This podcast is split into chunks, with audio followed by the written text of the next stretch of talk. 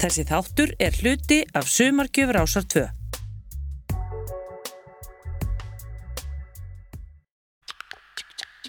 Árið er 1976. She's crazy like a fool.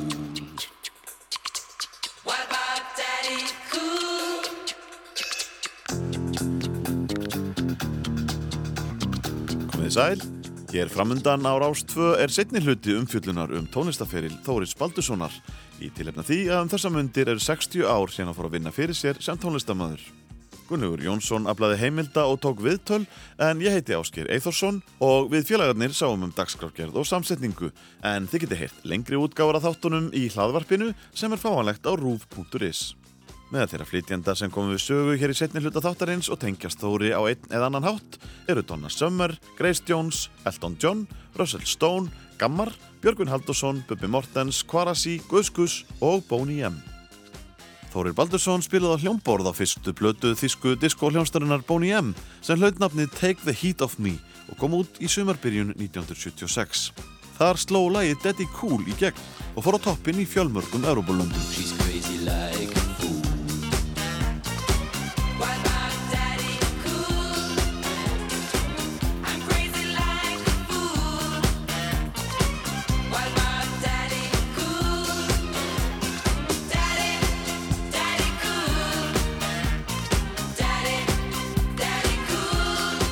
Strax um haustið hófust upptökur á annari plötu Boney M og var Þórir kallaður í Union stúdióið í Munhén á samt nokkrum félögum sínum úr Munich Machine en á plötum Boney M gengur þeir undir nafninu Rhythm Machine. Maðurinn á bakvið Boney M var þíski pródusentinn og lagasmiðurinn Frank Farian. Frank Farian var svona gæði sem að keirði um með vínilblöðunar í skottin á bílnum og keirði um í, í búðinnar og, og seldi tíu stykki þar og tíu annars staðar sko, alveg típiskur hasler, þrældölur og hann fekk þessu hugmyndum að búa til eitthvað svona unit og uh, hann bjóð til sagt grúpuna Boney M og uh, við Munich strákanir við uh, tókum grunninn af lögunum Þetta er mín aðkoma að Boney M. Ég gerði ekkert meira en það að spila á þessum grunn upptökum. Jú, ég útsetti held ég tvisar svonum strengi en um, einhverja hluta vegna þá var ég hér heima vendlaður við Boney M. eins og, eins og ég væri bara í ljónsettinni. Yes, it's the story of my baker, the meanest cat from old Chicago town.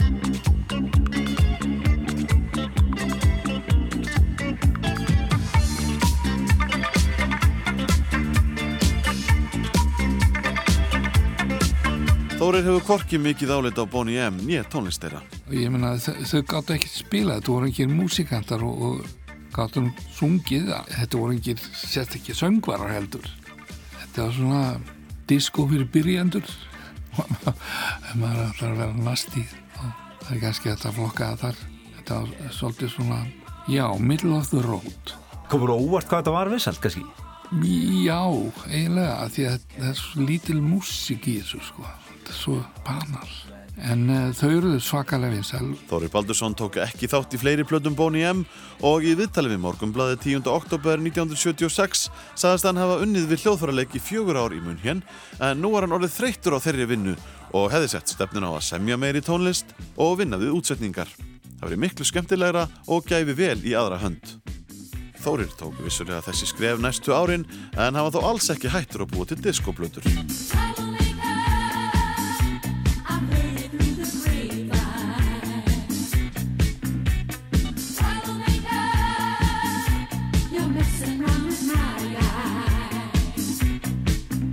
Þórir var á þessum tíma hægri hönd Georgios Moroder og Pete Bellotti en þeir voru allt í öllum hjá bandarísku söngkonunni Robertu Kelly. Þetta var uh, blökku söngkona sem að átti svona að feta í fótspór donnu held ég. Þetta hafa nú verið hugmyndin sko. Bandaríska söngkonan Roberta Kelly gaf út stuttskífuna Troublemaker árið 1976 og í titilæginu sá Þórir um strengja útsetningar.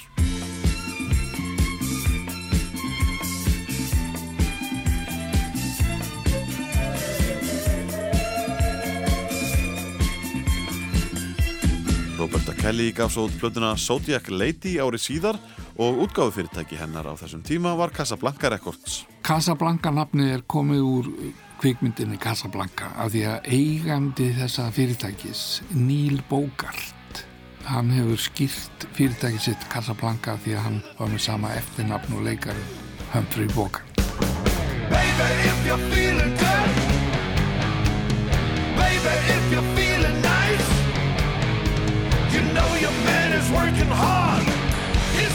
deuce Útgáðufyrirtæki Casablanca Records var stopnað 1973 og bandaríska hljómsdyn Kiss var fyrsta skrautfjöður fyrirtækisins en Kiss sendi frá sér samnenda plötu ári síðar. Allt um það, þá var þetta fyrirtæki í Los Angeles og ytti peningum eins og engin væri morgundagurinn. Það var allt borgað og allt dýrast af öllu. Fyrsta farið mér flög frá München til Los Angeles bara ótrúlegt einkennisklættur eh, bílstjóri á flugvöldunum í, í Los Angeles með limósína að taka á móti manni og keira í hótelið L'Armitage.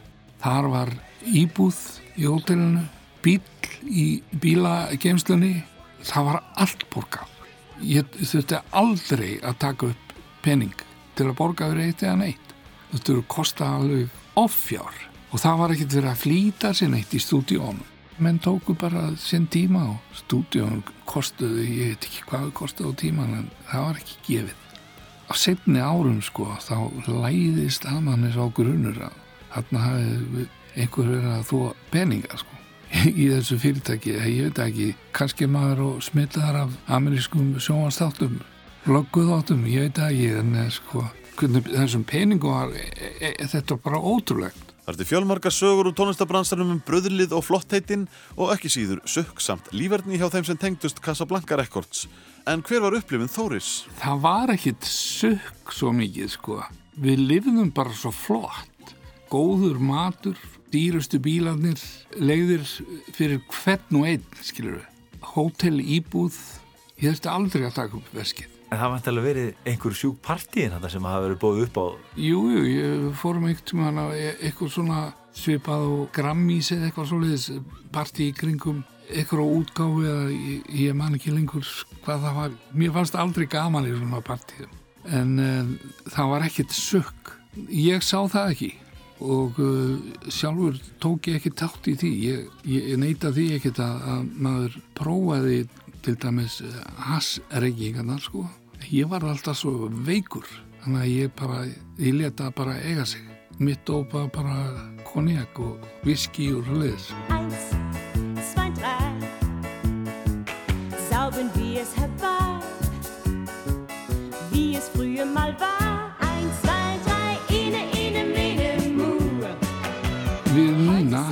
við giftum okkur í München þá byggum við aðeins fyrir norðan München í útkvæður sem heitir Lóhóf Við áttum þá sónin Kristján sem fættist 75 og Karína fættist 79. Karína og Kristján búa bæði í Stokkólm. Ári eftir að eiginkona Þóris, hins sænska Nína Dísell, hafði fætt þeim sónin Kristján Thor, gaf hann út smáskifuna 1, 2, 3. Á bjelliðinni var lagið dir nur liebe geben og það var eina lagið sem Þórir útsetti fyrir konu sína. Eftir á að higgja var Nína frekar hiss á því að skildi ekki hafa unni meira saman í tónlistinni en það átti sína skýringar. I'm a little bit surprised myself that we didn't uh, do more things together but he was busy in the studio and I was busy as a singer so I made my tours as well and um, then you know when the children were born I stayed at home a little bit more so that's why maybe it's just uh, one song that he arranged. He didn't compose it, he arranged it. But very, very well, you know, with his own harmonies that I like a, a lot. Þau voru auðvitað bæði upptekinu sitt, Þórir í hljóðversvinnunni á meðan Nína var meira á ferðinni á tónleikaferðalögum. Eftir að börnin kom í heiminu var Nína svo meira heima við en Þórir hafi allavega útsett lægið dir nur liebe geben sem hún var mjög ánað með. Ich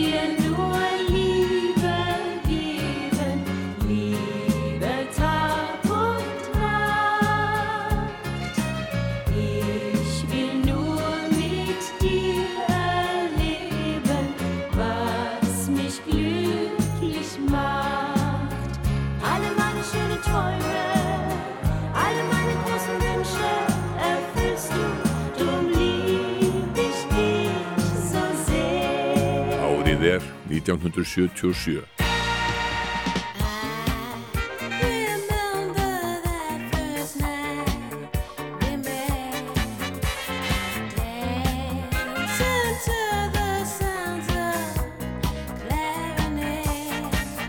Árið 1977 var stórt hjá Donny Summer því á tekniborðinu var að gefa tvær plötur sem báðar fór í vinslu setni hluta ársins 1976.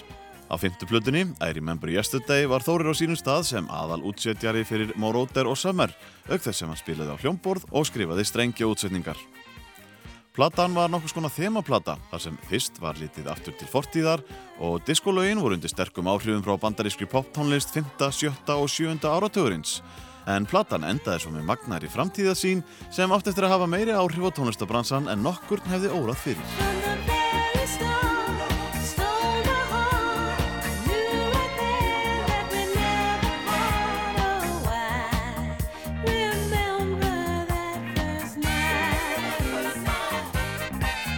Loka lag plötunar I Remember Yesterday er smellurinn I Feel Love þar sem Giorgio Moroder ímyndaði sér hvernig tónlist framtíðarinnar myndi hljóma og margi vilja meina að honum hafi tekið svo vel til að með þessari litlu tilrönd sinni hafa honum tekist að skapa framtíðatónlist sem átt eftir að hafa áhrif á fjölmarga kollega hans á næstu árum.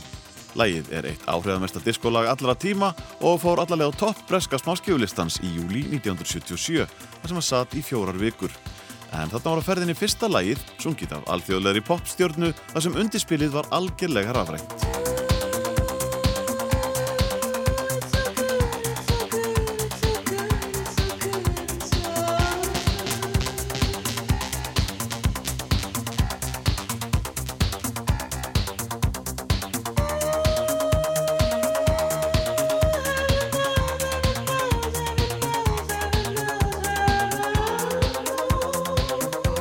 Margir hafa talið að I Feel Love sé eitt þekktasta lægi sem Þóri Baldursson hefur komið nálagt á sínum ferli en heið rétta er að Þórir var aðeins vitni að því þegar lægi var hljóðritað. Ég var bara startur í kaffestofunni þegar Móróttir var að taka þetta upp sko og við nokkrir úr uh, Munich Machine við uh, komum ekkert nálægt í sko. Það var Móróttir sjálfur sem var að vinna þetta með, með teknimönnum sem að kunnu almenlega á, á þessa síkvensera og, og múk sem að þá var nýkomið á sjónarsviði sko. Þetta var allt miklu flóknara sko í, í þá daga því að teknin var ekki orðin eins og hún er í dag.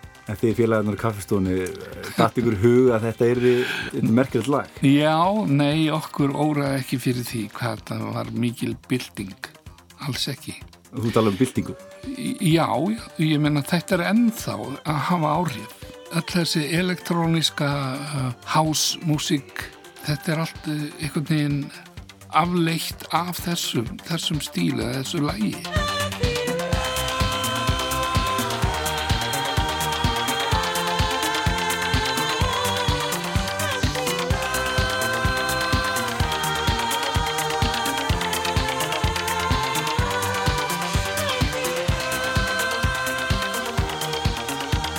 Áður en upptökur hófust á sjöttu plötu Donny Summer skildu leiðir Þóris og hennar að mestu leiti. Hvernig kom það til? Hún mókaðist aðeins við mig sko. Ég var stattur í New York þá. Hún ringdi í mig og bað mig um að koma niður til LA. Hún væri með fullt af verkefnum. Og ég sagði Donna, getur það að byði aðeins? Ég er ennblæð í miðju verkefni og ég vil endilega klára það en svo skal ég koma. Það fannst henn ekki nógu gott. Þá var hún orðin dífa.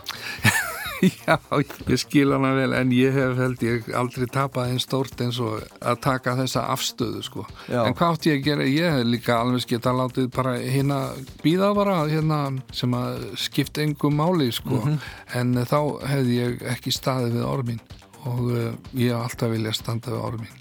En við, hættum ekkert sko að eiga samskipti, ekkert svoleiðis, það var ekki svoleiðis uh, fói og ykkur reyði sko en ég, ég fekk samt að finna það því að þau verkefni sem að hún þurfti að taka og fá aðstofið það fjall í hendur annara útsetjara og hljómbólsleikara og þannig náttúrulega misti ég að lestinni. Og ég er sko alls ekki bitur yfir því hvernig fór því að ég var alltaf með hugan hingar heim og hér heima. Ég var alltaf að hugsa að það verður nú gaman að rifja þetta þegar ég er komin heim. Og nú er ég heima og það er hverki betra að vera hér. Once upon a time there was a girl.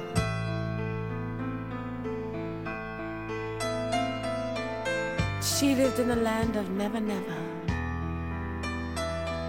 where everything real is unreal. And only fairy tales are true like me and you. Bassalekarinn Les Hurdle rifjar hér upp þegar hann kom til munn hér til að vinna á Donny Summer plötunni Once Upon a Time og uppgötaði að Þóri Baldursson var ekki hljóðverinu. En í stað hans var komin hinn bandaríski Bob Esty. I flew into Munich one day to record whomever, whatever, and expected to see Toro and the usual gang, and he wasn't there. And uh, there was an American guy there. And it subsequently turned out that Giorgio had decided uh, not to use him anymore and had got somebody else. Þetta var mikið reyðarslag fyrir Munich Machine sem hafði, þegar þarna var komið sögu, verið mjög samrýndur hópur sem hafði ferðast víða og verið vel til vinna. That was a huge shock to me because we had a good team. We traveled all around Europe and did all sorts of stuff, and it was just good. It was good fun. We were good friends. And I don't even recall a single bad word. I just don't between any of us. During that time in Munich, uh, I met Toro and um, we hung out for the day. And the story I'm trying to tell here is that he just got on with things. He was upset, of course, but he didn't. He didn't sort of get annoyed with anybody else, and he just went forward. Les Hurdle sagði að þrátt fyrir að Þórir hefur verið mjög ósáttur við að hætta, þá hefði hann ekki látið það bitna á neinum. Heldur einfallega haldið áfram og tekið að sér önnur verkefni. Arftaki Þóris, Bob Esty, vann með Moroder og Donny Summer að næstu tveimur plötum en á plötunni Bad Girls sem kom út 1979 var nýr útsetjari kynntu til leiks. Þjóðverinn Harold Faltenmeier sem er þekktastur fyrir Axel F. aðalstefið í bandarísku bíómyndinni Beverly Hills Cop.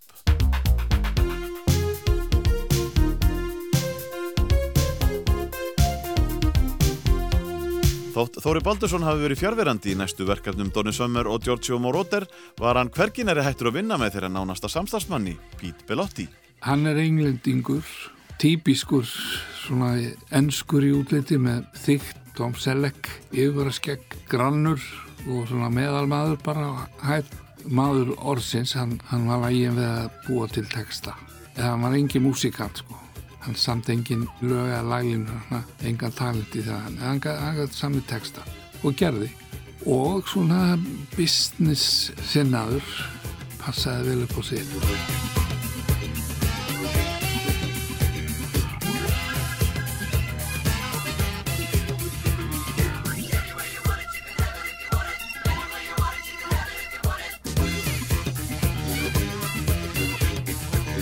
Þórir sá um útsetningar fyrir plötuna Dancing in the Street sem duettinn Trax gaf út 1977 en hann var skipaður þeim Pete Bellotti og trommaranum Keith Fossey. Þórir samti eitt lagana á plötunni Anyway You Want It í samstarfi við þá félaga og ótti þetta líka fína hljóðgerfla solo í því lagi.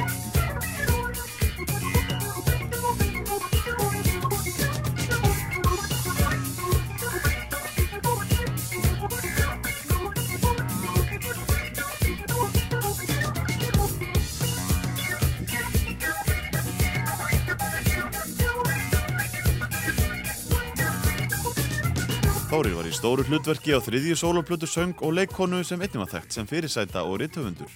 Hún heitir Marcia Hunt og sendi frá sér plötu sem bara einfallega nafnið Marcia árið 1977 og Pete Bellotti stjórnaði upptökum. Marcia var bandarísk en flutti til Breitlands 1966 og hafði komið víða við. Hún leik í Hárinu þegar söngleikurinn var frumsýndur í London 1968 og gaf út sína fyrstu soloplötu, Woman Child, árið 1971. Um tíma var hún kærasta Mick Jagger og saman eignustu dótturina Karis árið 1970. Þegar Karis fættist var samband þeirra á enda en Marcia Hunt varð Jagger einhvað síður innblástur í texta Rolling Stones slagarans Brown Sugar.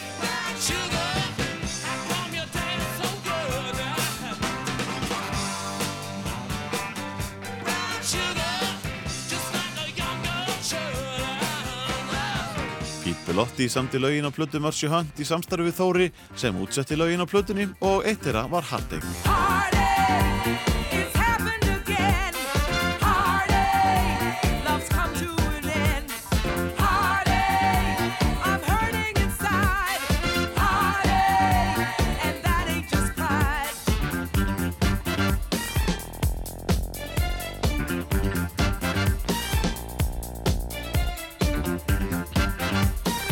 Þórir var ekki oft kallaður til London til að taka upp plötur en það gerðist á árið 1977 þegar hljómsveitin Sailor var að taka upp sína fjörðu plötu Checkpoint. Girls, girls, girls, girls, girls, girls, girls, girls, girls. Breska hljómsveitin Sailor út sína fyrstu plötu árið 1974 en sló í gegn árið síðar með lögunum Girls, Girls, Girls og Glass of Champagne.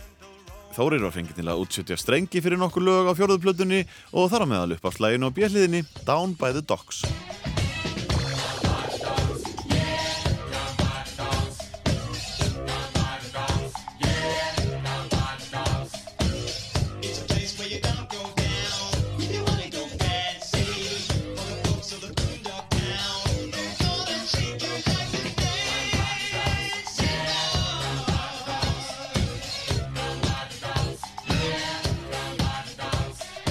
Hvernig kom það til að Þóri bauðst að vinna með Sailor-piltunum? Sá sem að prúduseraði þá plötu með Sailor var Amerikanin úr Beach Boys, Bruce Johnston.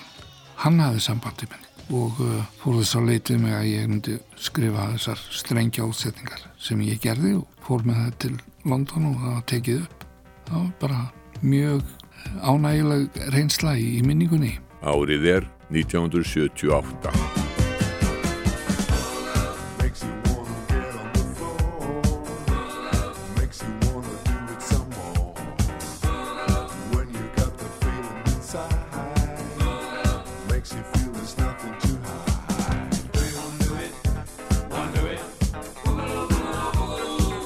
1978 kom út platan Búgalú sem Þóri Baldursson gerði með sænska gítarleikarunum Mats Björklund en upptökurnar fóru fram í Munhén í november 1977. Já, við vorum bennur að gera plötu fyrir EMI sem átti að mest að vera instrumental plata svolítið svona spacey en með funk elementum sko.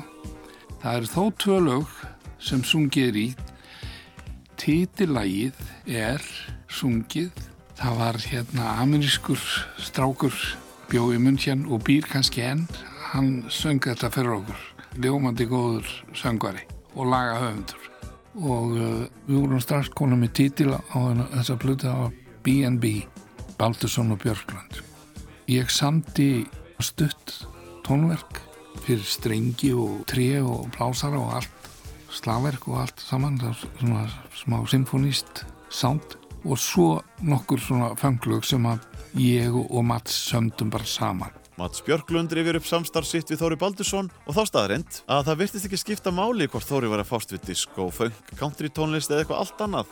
Það hefði allt leikið í höndunum á honum. He always gave me a confidence and it was always good music when he was around. And it didn't matter if it was like disco or more funky or even if it was country music, he, he could play all the styles but I've never heard anybody play the Hammond organ the way he did. It's like kick ass. So um, I'm very happy to uh, have my career been started off by such a fantastic musician. So I'm, I'm very grateful still. Björklund sagðist aldrei hafa heyrt nokkurn mann spila eins vel á Hammond-orgelið og Þóri Baldursson. Hann myndist þess líka þegar lagið Hæ var tekið upp, þar sem 15 manna strengjarsveið þótti sérstaklega mikið til uppafstónalagsins koma á. And there was one song called High. It was a slow instrumental where Thor arranged a string. We wrote the song together, and he said, I think I have an idea for a nice string intro.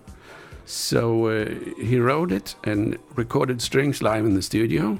We had about 15, 16 people, I think, playing. And when they played it through once, the whole, the whole intro.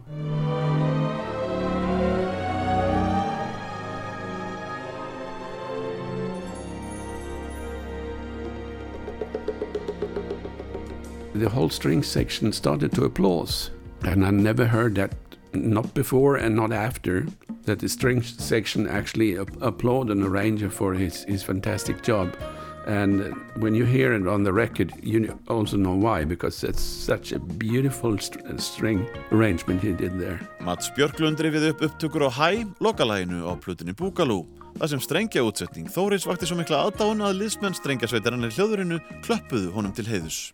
Þórir sagði í tímaritinu Samuel í byrjun sömast 1979 að ekki hafi farið mikið fyrir plötunni þegar hún kom út og hún hafi fengið hægt andlát en það hafi ekkert verið gert fyrir hana. Vínur Þóris, jugoslániski tónlistamæðurinn Edo Sanki, var gestur á plötunni og hann söng lag Þóris Sweet Melody.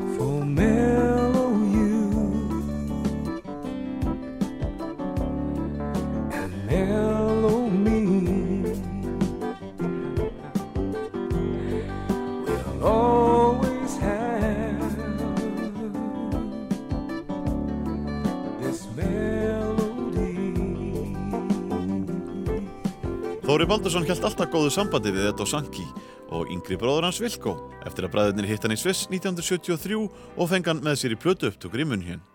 Árið 1977 gaf Sanki út sína fyrstu plötu undir eigin nafni og fekk hún nafnið Jets Komich.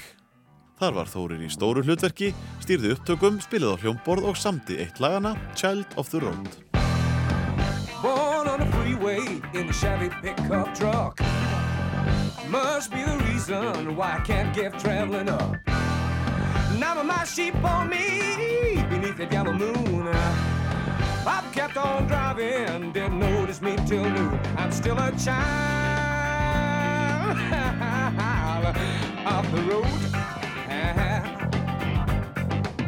Þórir hafði lítið sem ekkert verið á tónleikaferðalögum frá tíma sínum í Svíþjóð en hann fór á tveggja vekna túr með hljómsveit og Sanki í haustið 1977 þar sem hitta var upp fyrir enska tónlistamannin Leo Sayer sem hafði slegið rækilegi gegn árið áður meðal annars með topplæginu You Make Me Feel Like Dancing.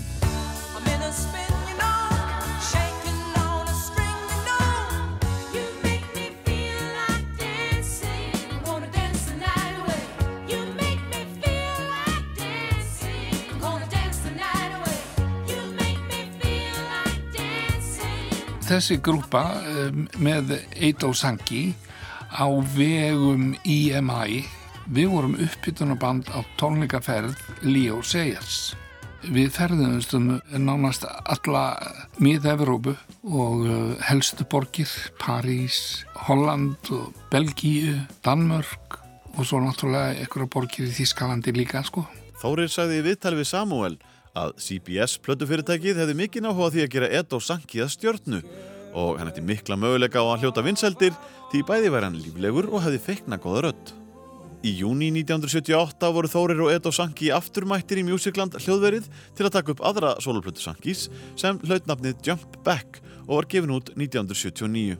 Þórir stjórnaði upptökum og útsetti sex lög á samt sínum helstu samstarfsmönnum Keith Forsey á trommur, Mats Björklund á gítar og Les Hurdle á bassa. Edo Sanki kláraði svo upptökurnar í Hansa hljóðurinn í Berlín í byrjun ás 1979 en þá var Þórir fjárverandi. Þóri Baldursson samti tvö lög í samvinni við Sanki bræður og annað þeirra var Love I Want To Share. How do I begin? I don't know if I can explain. Let me try and tell you that I don't want to cause you any pain. So, how do I begin? How do I say, take good care when there's always something to scare away the love I want to share. Árið 1978 tók Þóri þátt í að gera plötuna Gas með félaga sínum Mats Björklund og hennum þíska Jörgen S. Kordulets. Þórir samti sex af átta lögum á plötunni og flest í samstarfi við aðra á samtíð að útsetja og eitt af lögum Þóris var Indian Gas.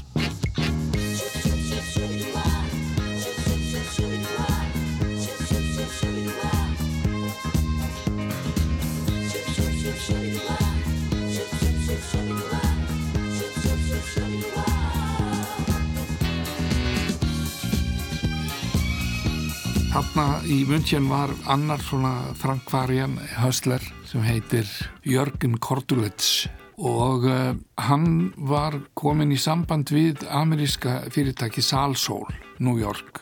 Þeirra músík átti upptök sín mikið í Philadelphia, svona big band disco og uh, salsa, þú veist, þaðan kemur salsól, sko, salsa og sólmusík mikið percussion og kongotrómur og lið sko.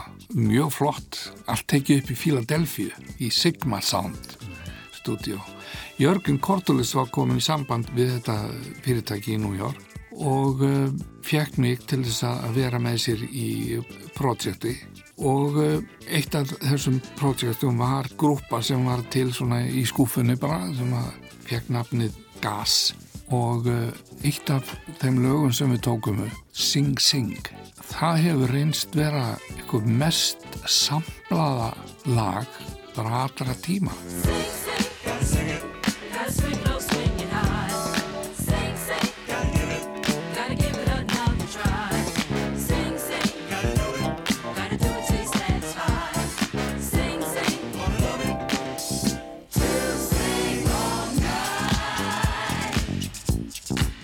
þegar við tókum upp þessi, mörg þessi laga þá er yfirleitt sett svona klapp eh, klöppuðum sko með, með höndunum. Því að það voru ekki komnar þessar trommu maskínur sem að voru bara með sömbluðu klappi. Þannig að við vorum kannski fjóri, fimm við mikrofón og klöppuðum. Og það er það klapp sem þú heyrir í þessu sing-sing hlægi, það er alvöru klapp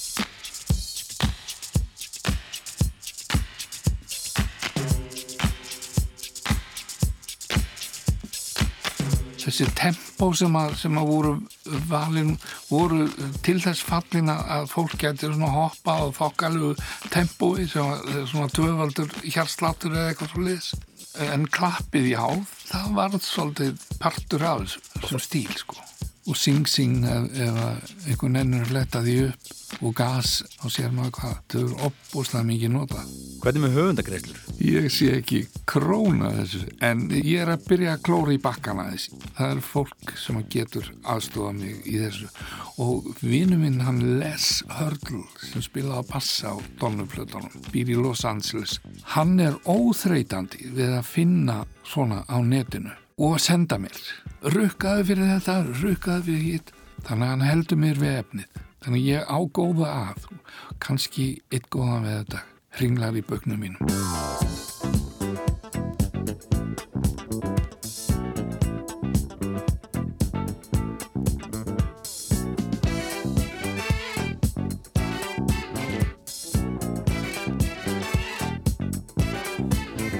Mest sömpluðu lögum tónlistarsögunar Sing Sing með Þóri Baldursinni og félögum í discofunkbandinu Gas en meðal þekktra flytjenda sem hafa nýtt sér búta úr læginu má nefna Grandmaster Flash og Wu-Tang Clan. Flestir þeirra tónlistamanna sem hafa fengið hluta úr læginu að láni hafa gert það án þess að sækja um leifi og í oktober árið 2013 kærði Sal Soul útgáðu fyrirtækið ástralsku sönguruna Kylie Minogue fyrir stöld í læginu Speakerphone.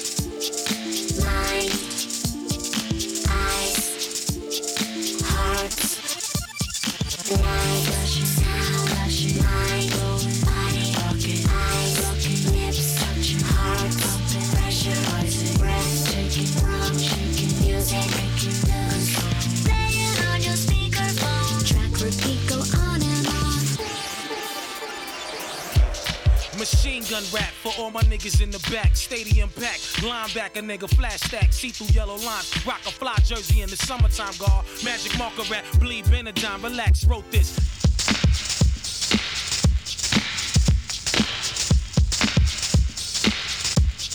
This comes from Easy, chapter 8, verse 10, and it reads It's time to put some niggas in check.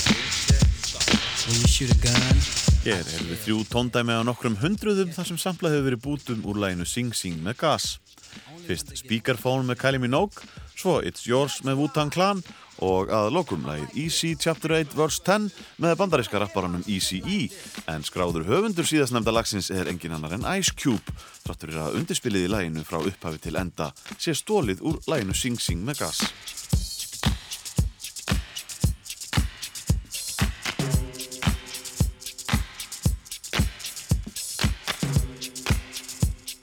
Um svipa leiti samt í Þóri líka lag fyrir kvikmyndina Thank God It's Friday frá árinu 1978. Lagið heitir I Wanna Dance og það er að mestu leiti ósungið.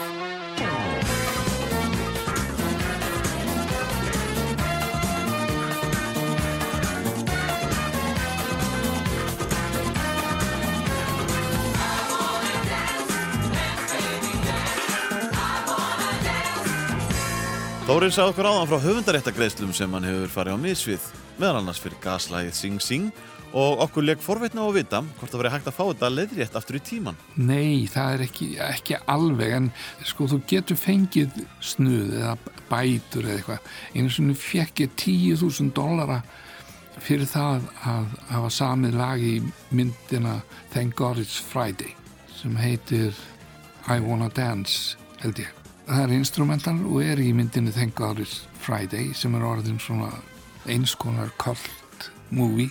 Þetta er svona í, í þeim anda sem að Salsoul var það er svolítið svona hratt disco, percussion. Marg, marg mixað af einhverjum snillingum sem ég, ég kom ekki nála tí sko, klift til allavega og skrýtta klippingar. En hei, það er í myndinni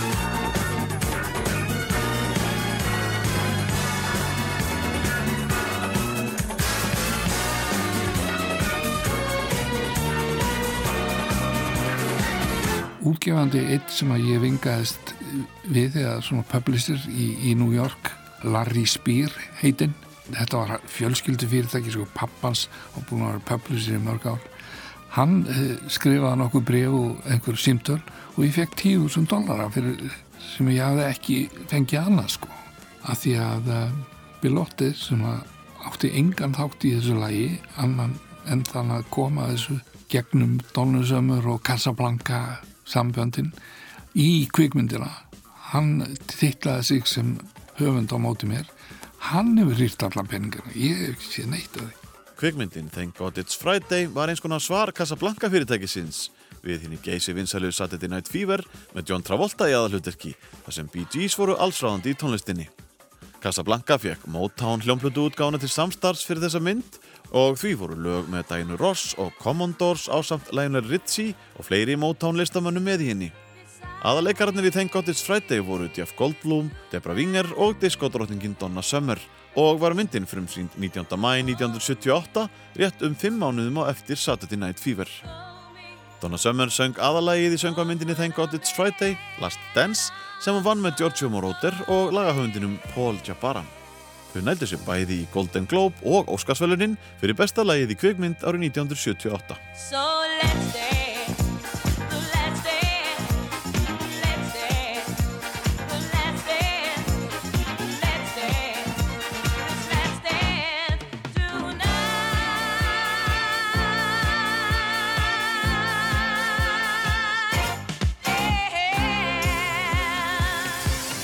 Árið er 1978.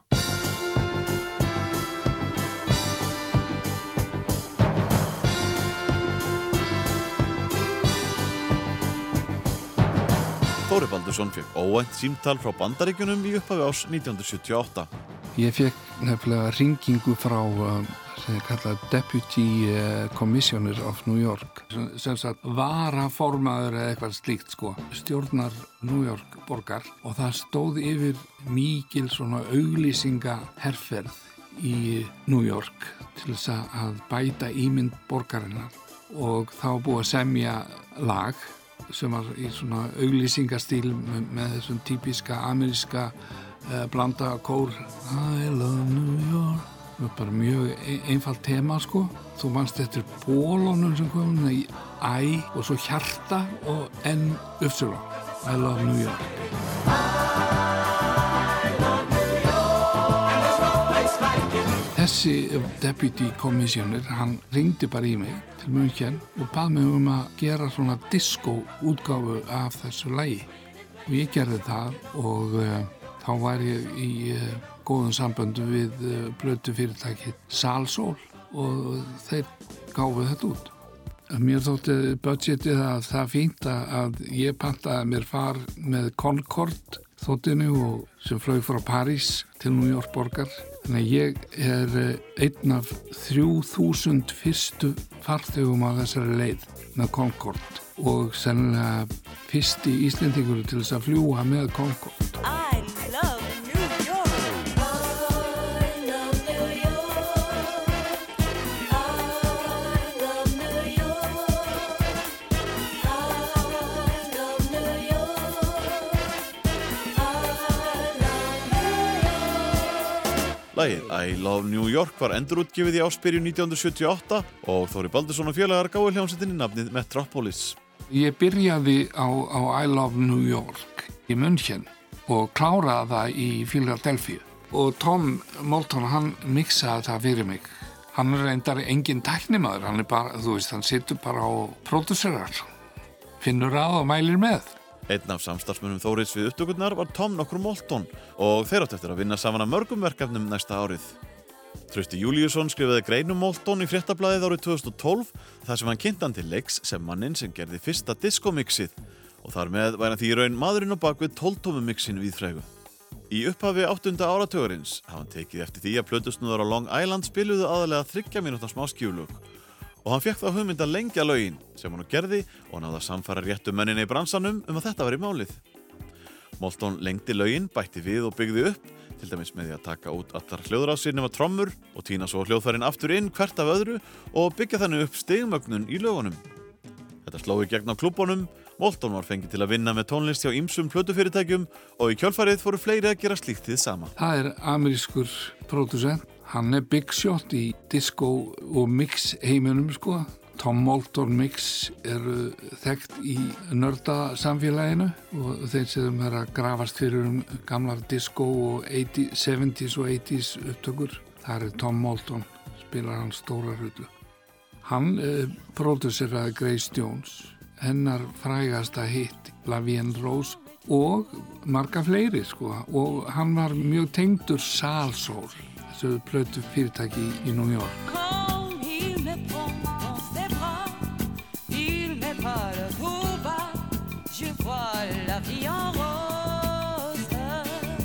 Moulton vann mikið fyrir Salsoul útgáðu fyrirtækið þessum árum og hann mixaði I Love New York lagið sem Þórir útsetti og stjórnaði upptökum á. Moulton var strax mjög ánæðið með Þóri og þeir unnu mjög vel saman. so much kind of me me, maybe in a different way, but you know, he was very enthusiastic and very up about the music, which I'm also very much like that. I just thought it was an honor to work with him. Í viðtali við Morgunblæði 7. mæ 1978 sagði Þórir að hann væri á leiðinni til New York til að vinna stóra plötu með hljóðusbandinu Metropolis. Uppalega var reyndar ekki á dagskrá að gera nema eitt lag undir nafni Metropolis en í kjálfar mikill að vinselda I Love New York var ákveðið að slá til og gera heila breyðskífu.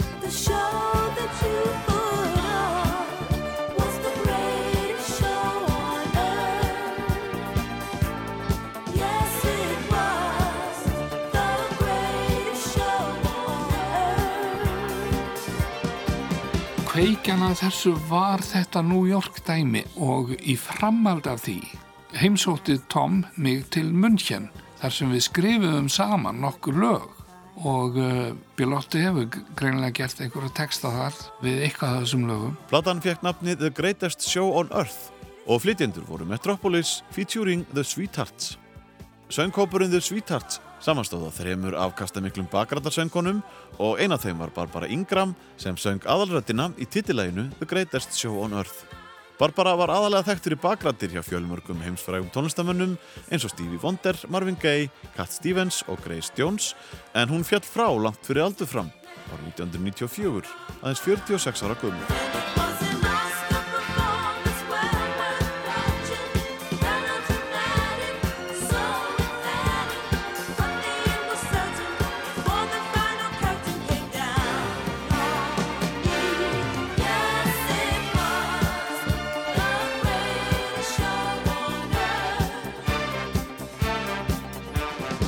Platan var bæði tekin upp í Musicland í München og í Sigma Sound Studios í Philadelphia. Þórir stjórnaði upptökum á samt Tom Moulton og samti líka útsetti sjö af nýju lögum plötunar. Lægið Every Time I See Him samti Þórir með eiginkonu sinni Nínu Lísell.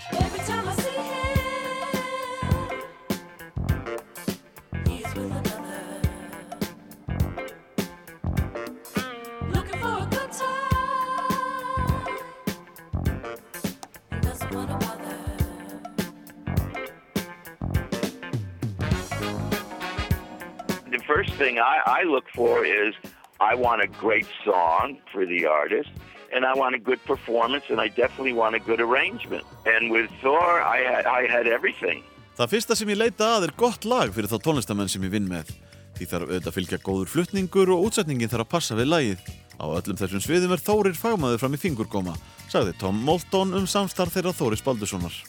The Greatest Show on Earth með Metropolis var ekki eina platan sem Þórir vann með Tom Moulton og útgáð fyrirtækinu Sal Soul sumari 1978.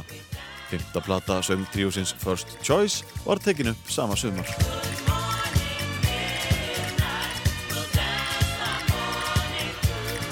Þessi fymta hljóðursplata First Choice kom út 1979 og fekk nafnið Hold Your Horses. Þórir útsetti og stjórnaði upptökum á fjórum af sex lögum plötunar. Hljóðfæraleikurinn var tekin upp í Musicland með Munich Machine, Genginu og fleirum. Keith Forsey spilaði til dæmis á trommur, Les Hurdle á bassa og Mats Björklund á gítar. En First Choice samanstóð af söngkonunum Annettu Gerst, Debbie Martin og Rochelle Fleming. Það voru þrjár stelpur frá Philadelphia sem voru á hans vegum, Toms.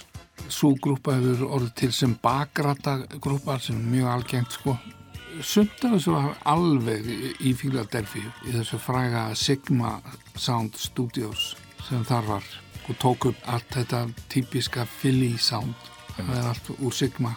Þórir samti tvö lagana á plötunni í samstarfi við Mats Björklund við texta Pete Bellotti og annað þeirra er þið frábæra Good Morning Midnight.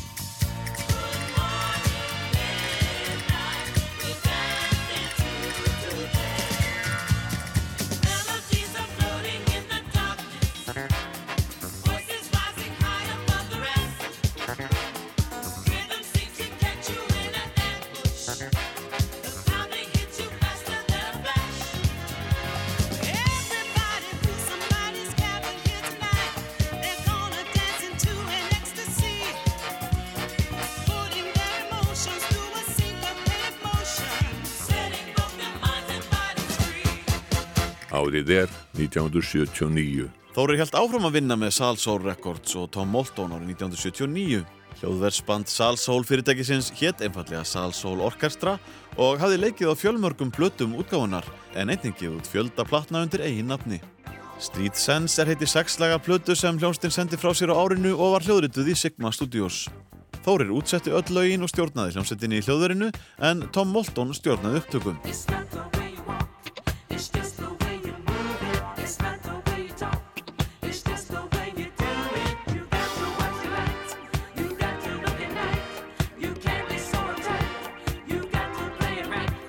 Þórir og Tom höfðu samið nokkuð lög í saminningu í munn hér árið áður. Tvö þeirra röttuð á plötuna með Salsoul Orkestra og við heyrðum brot úr læginu Street Sense. I'm not a musician, but I would come up with these little idea for a melody, and I would like lay it down, and I usually do the words, and I would give it to him, and then he would expand on it and make it. In other words, I'd be doing one note, and he would put it in chord structure, so it sounded like more of a song rather than a little demo. And that's why, you know, I felt he deserved as much writing credit as I did because he made it more of a reality. Tom sagði að samstarf þeirra Þóris í lagasmíðum hefði oftast verið þannig að hann hefði komið með grunn hugmynda lögum og textum en þar sem hann væri ekki hljóðfæraleikari hefði Þóri tekið við og glætt lögin lífi. Þess vegna fannst honum sangjant að þeir deildu lagasmíðinni. Hann átti hugmyndir af lögunum en Þórir hafði með snild sinni breytt hugmyndum í fullskapaðar tónsmíðar og þeir hafi notið þess að vinna saman. It was just great working with him because, you know, if I had an idea, he would make it a reality. You know, I'd have a basic, simple chord thing, and he would fill it out and make it more of a polished song. But he would take the basic idea of the song and make a big arrangement out of it. I mean, that was what's so great. So, and what he does with strings and horns is just uh, amazing to me. If you set him on this path, I mean, he just goes all out on it. I mean, it's just wonderful.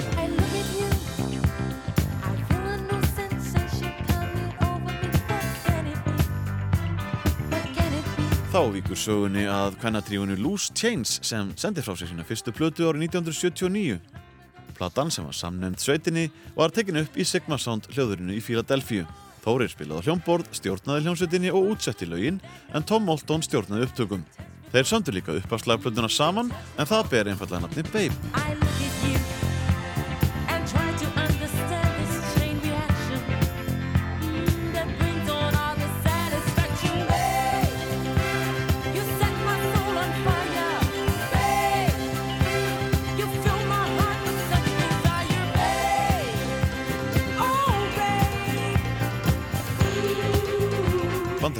Stúlkna tríóði Loose Change og lagið Babe eftir Þóri Baldursson og Tom Moulton. Sá síðanemdi hafði verið aðal upptökustjóri fyrirsætunar, söng og leikonunar Grace Jones frá Jamaica frá því hún stegi sín fyrstu skref í tónlistarheiminum með laginu I Need a Man árið 1975. Fjórum árum síðar sendur frá sér þriðju hljóðurflutuna og þar sem Tom og Þórir höfðu unnið náið saman síðasta árið lág beinast við að Þórir yrði aðal útsetjar í flutunar á samt því að spila hljómborð.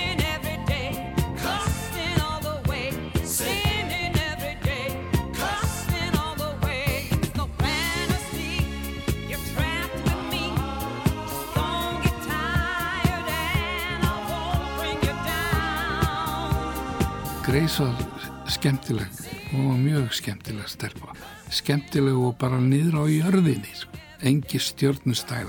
ekki til There were no hits on that to speak of, but the idea when you put it like that was the third album I, I did with her, and I was trying to help her grow too, and I was just trying to make a good album, and that's the reason I wanted to do it with Thor.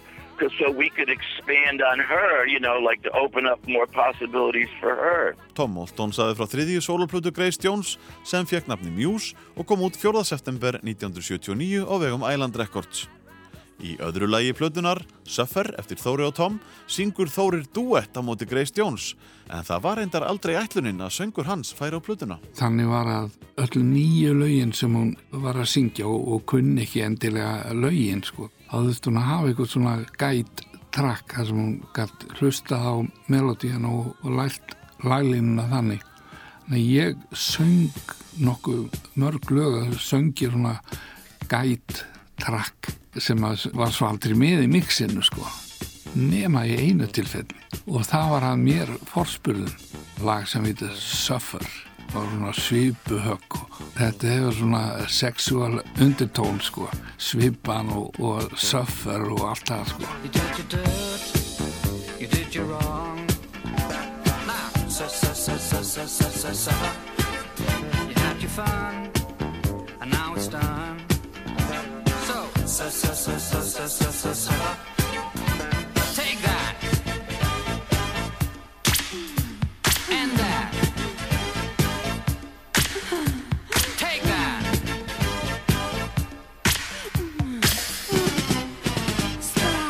Tom Moulton þótti það nú ekki leðinlega. Hann notaði þetta gæt trakk frá mér í það lag með Grace. Þannig að við sungum hann að eiginlega duett í þessu lagi. Ég þótti þetta alveg rosalega astnalegt fyrst sko. Svo er ég alveg sáttu við það núna. Mér er eiginlega alveg sama. Bara gaman að þessu.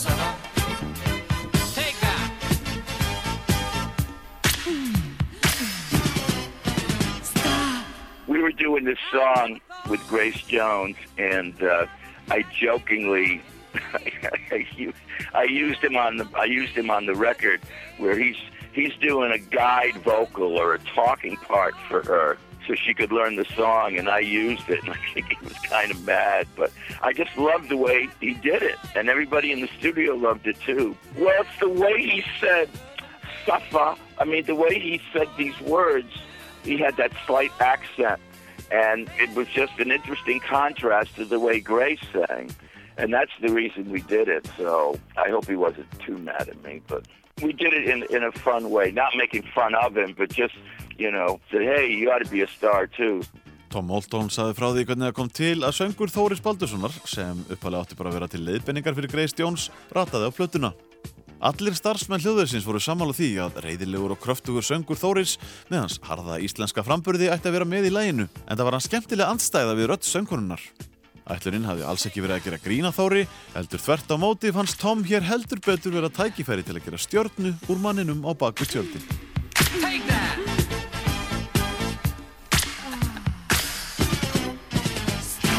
Ég var eiginlega svona hálf skömmustulegur. Mér fannst þetta líka ekki rétt á Tom að gera þetta að mér forspurðu. Helviti brattur að gera þetta sko. ég hef geta farið í mál við hann Vissur það ekki að þessi finnir bara að plata kom út? það er ekki hugmynda það er það flott grúfi í þessu lægi það, það vantar ekki, flottu bassaleikari og svona Philadelphia sound og, og grúf þannig að það var bara gaman að því. Grace Jones er þekkt fyrir að vera ólíkinda tól og uppátækjasöm í meira lagi. Og því fekk Þóri Baldursson að kynnast. hún átti það til sko að- að að rífa treyjuna bara upp svona og flassa brjóstunum smástund og, og skelli læja sko til þess að stríða okkur mikill grallari Eh, Elton John átti þetta líka til hann, hann var bara ekki með einn brjósta sína sko. þannig að hann kifti bara niður um sig brókin, hann var að spila bortennis við strákarinn í stúdíónu ég man eftir, því. Svo, svo gefur hann kúluna sko og tekur niður sig um leiðan og búin að gefa boltan og þá frösu hinnir á hinnum endan sko. Þetta er svona alveg típiskur enskur húmor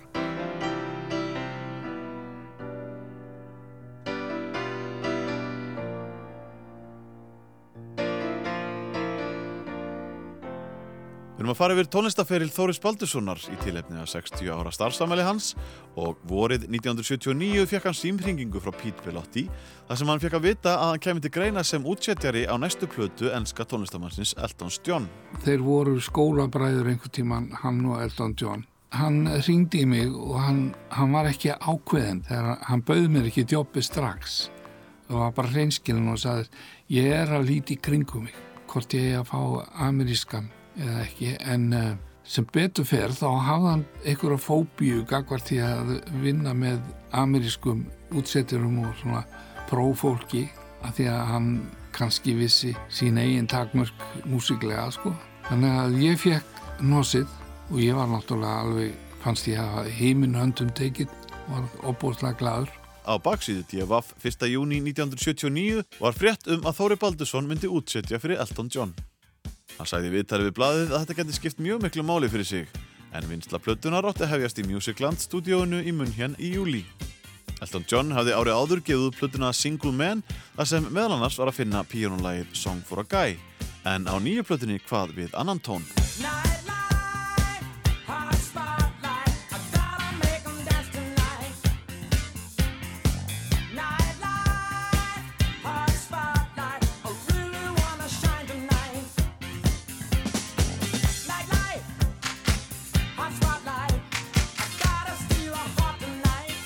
Í framhaldinu þá fóru nú að berast uh, hugmyndirnar og, og lögin sem átti að útsetja og þá þró nú heldur úr gleðinni. Þetta voru ekki lög eftir Elton John, þetta voru lög eftir Þíska, gæjar sem að Bilotti var í, í sambandi við og uh, hann samdi textana náttúrulega á ennsku. Síðan var eh, hugmyndin hans svo að allt yrði í sama tempo. Öll lögin átti að hanga saman í sama tempo alla liðina á disknum. Það sem að DJ hérna gerðu í, í diskóanum sko. þeir völdu lög saman með sama tempo og hengduðu öll saman. Og þannig átti þessi plata að vera. Lög eins og rocklega eins og Johnny B. Good það var eitt af lögunum sem var valið. Eina lagi sem ekki var frumsamið sem er alveg fáranlegt að sitja í diskó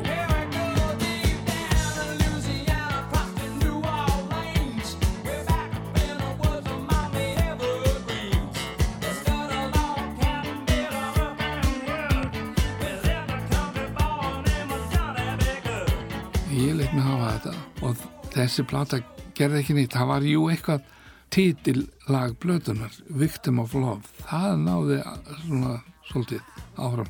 Það var eftir mjög góðan vinn Silvester Levi hann, hann var frá Tjekklandi æðislega góður músikant. Það lag var eitthvað, sko, það var eitthvað í, í því og enda, enda var það lagið sem að mest spilað og verð þekktast af þessari plötu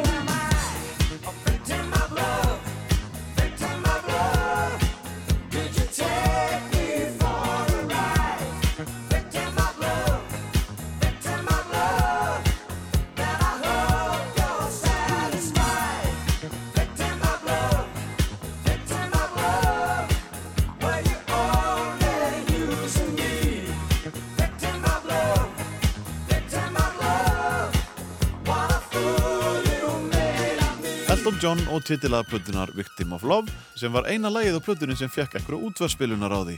Þóri Baldursson útsetti lögin á plötunni og spilaði á hljómborð en Elton var ekki á góðum stað þegar platan var gerð. það var eiginlega ekkert að skeið hjá hann búið að tröllríða öllu og öll, öll plötu fyrirtæki voru að, veðja á, þann hest sko síðan held ég að svona ákveðin óregla sko og kókain hafi sett strík í reikningi hjá Elton John hann var að neyta þess í, í óhófi á þessum árum sko Nei, hann var eiginlega ekki sjálfur að taka eins mikið þátt í þeim plötum eða upptökum sem hann gerði eins og hann hafði alltaf gert áður sko.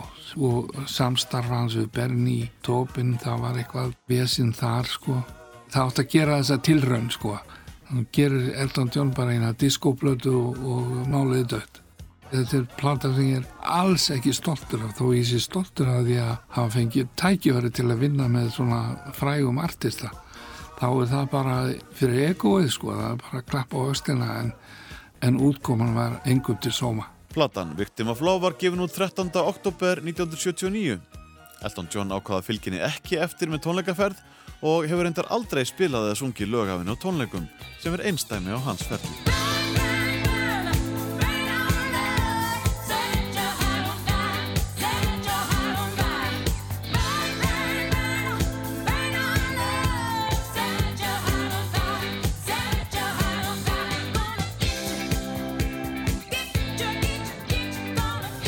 Þórir var kallaður til New York árið 1979 til að útsetja nýjundu plötu bandarísku söng og leikonunar Melbu Múr. Melba hafði byrjað feril sín í söngleikjum og kvikmyndaleik en sendi frá sér sína fyrstu soloplötu 1970.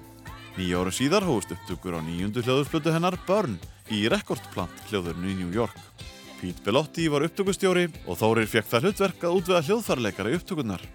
Það lág beinast við að hafa samband við Jimmy Young Þann sama og spilaði á tveimur plötum Rúnars Júliussonar þremur árum fyrr. og ég hafði sambandið Jimmy Young og hann útvegaði hinna hljófaralegarana Einn af þessum hljóðfaraleikurum var hinn tvítugi bassaleikari Markus Miller. Markus Miller er heimsnafn í bassaleik. Sko Kottnungur var hann farin að spila með Miles Davis. Ég man hvað þessi strákur var rosalega flottur músikant. Og ekkert bara bassan, hann gæti líka spila á píano og hann var með svona þessa þekkingu sem ég öfundaði hann af sko hljóma þekkingu sem að alveg rosalega flott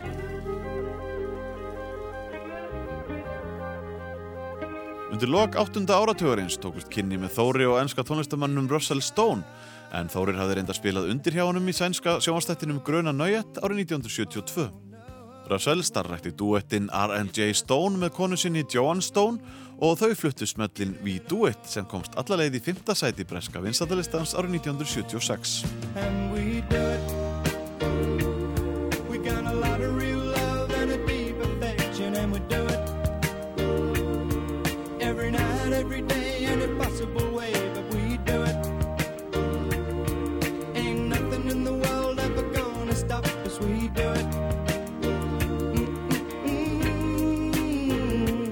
Russell Stone hitti Þóri í hljóðveri í Munhén árið 1978.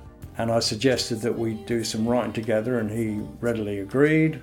We got on very well together, so I went to Munich and we wrote a batch of about 10 songs in about 10 days. Very, very good songs. From that, I was very excited because the songs were so good. And I'd been searching for some songs for my late wife and myself after we'd had the hit. The hits dried up, and uh, I found writing difficult. I tried writing with various people, but it wasn't very successful at all. And it was only when I got together with Tor that things got a lot better. Russell sagði að hann hefði verið í basli með að fylgja eftir einu vinsala lagi sínu We Do It og reynt að semja með hinum á þessum lagahöfundum. Það hafi hins vegar ekki virkað fyrir hann byrjaði að semja lög með Þóri og þá hafi hlutinni farið að ganga upp. Og Russell bókstaflega elskaði að vinna með honum. Which is amazing considering he's from Iceland. But the groove will call, and it certainly called Toria, and he's a beautiful, beautiful player. Russell ætlaði að nota lögin fyrir duett með konu sinni Joanne en árið 1979 glimt hún við mjög erfið veikindi, hún greindist með heilaæksli sem varð hennar bana megin sama ár og því miður hefur Russell ekki verið í ástandi til að syngja lögin. Sum þeirra rötuðu þá á plötur með öðrum listamönnum. If I say happy day, It's the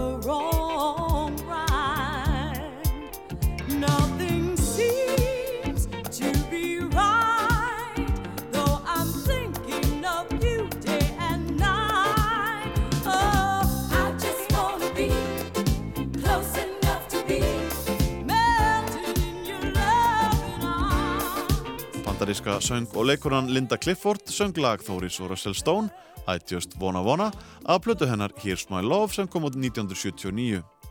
Plötufyrirtæki Curtis Mayfield hefði tekið hann upp á arma sína 1973 og Curtis var sjálfur einn af upptökustjórunum á plötunni. Þórir útsetti nokkur lög fyrir plötuna en árið 2012 rataði lagið I Just Wanna Wanna í kvikmyndina The Paperboy sem skartaði stórleikurunum Matthew McConaughey, Nicole Kidman, John Cusack og Zac Efron í aðalhuturkum. Annar tónlistamæður sem söng lag eftir Þóri Baldursson og Russell Stone inn á plötu var Leroy Gomez sem gaf út plötuna I Got It Bad árið 1979 hjá Casablanca Records.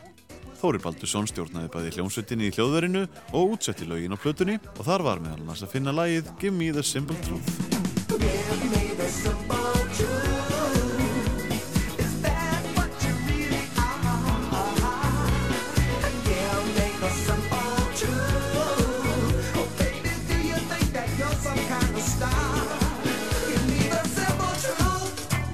Meðal annara sem hljóðrutuðu lög eftir Þóri og Russell Stone voru Jeff Kutas, Judy Cheeks og diskósöngunan Norma Jordan.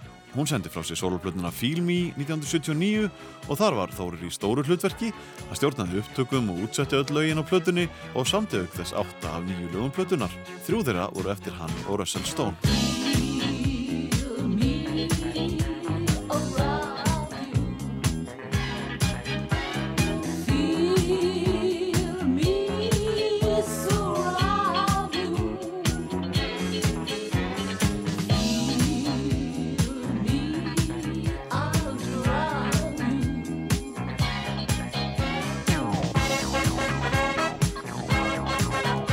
Þarna við brot úr titillægi plötunar Feel Me eftir Þóri Baldursson, Russell Stone og Edo Sanki en þessi plata Normu Jordan var gefin út hjá ítalska útgáðufyrirtækinu Chiao og var tekin upp í Stone Castle hljóðverinu sem var staðsett í 16. aldar kastala í Como héraði, skamt frá Milano á Ítalíu.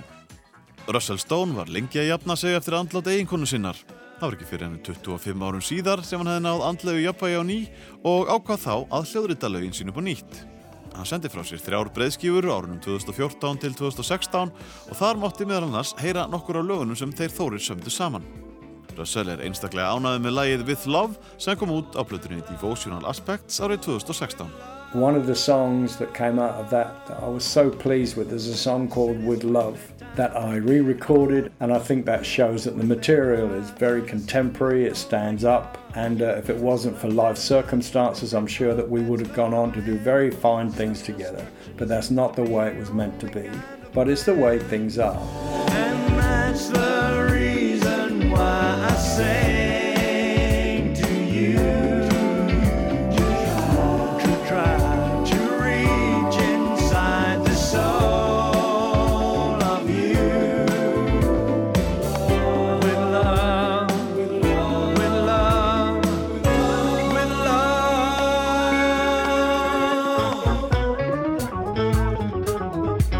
Russell Stone er ánægður og þakklátur fyrir samstarf þeirra Þóris Baldurssonar.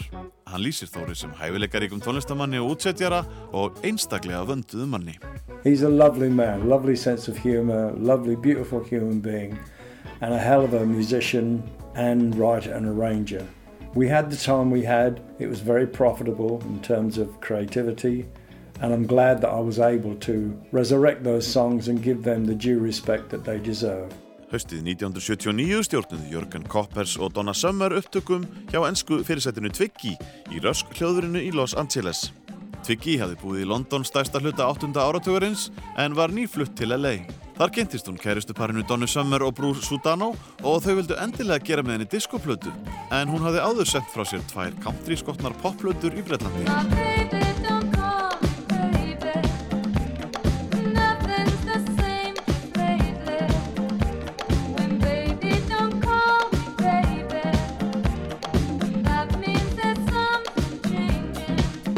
Þetta var indæl stelpa sem var til í að prófa alla skapa hluti og hún var, hún var náttúrulega íkon í tísku heiminum var ófeimin og skemmtileg eins og englendingar geta verið sko.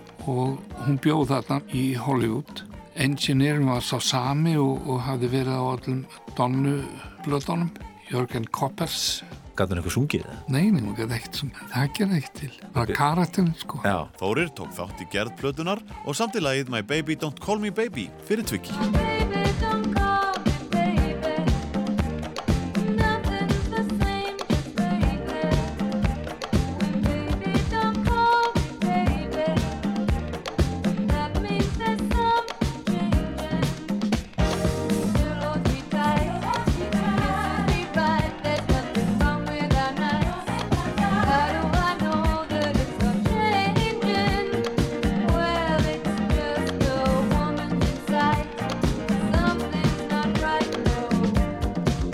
Einhver hluta vegna kom þessi plata fyrirsættunar góðsagnarkendu Twiggy ekki út fyrir 28 árum síðar undir nafninu Heaven in My Eyes Discotheque. þá eru komin upp einhver vandræði með Casablanca þannig að, að eh, platan kom ekki út en, en eh, upptökurnar hafa greinilega verið til því að hún var, hún var gefin út um, 2007 Árið er 1980.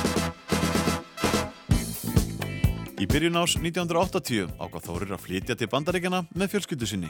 Hann sagði við tímariti Samuel í júni 1979 að ástæðan verið svo að hann hefði fleiri tækifæri þar vestra, auk þess sem tekjurnar verið betri. Lífið yrði líka mörguleiti einfaldara, hann sá fyrir sér að hafa betri tíma til að sinna fjölskyldunni og stefnan var tekin á New York.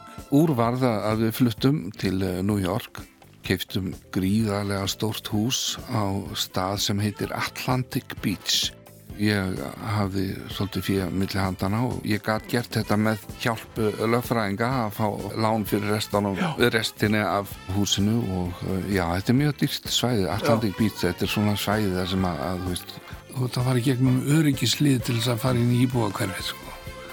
meðlumir í strandklubnum og svona alls konar rugl sko.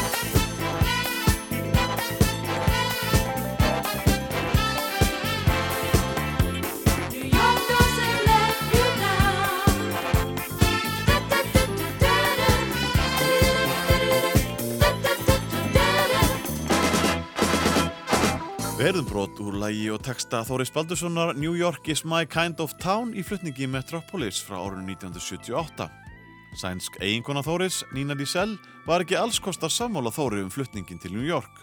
Hún átti sinn feril sem söngkona í Þískalandi og fjölskyldan hafði komið sér vel fyrir í munn hér þar sem hún vildi búa áfram. I preferred actually, I wanted to stay in Germany. So I really didn't want to move to the USA. It was a very hard time actually.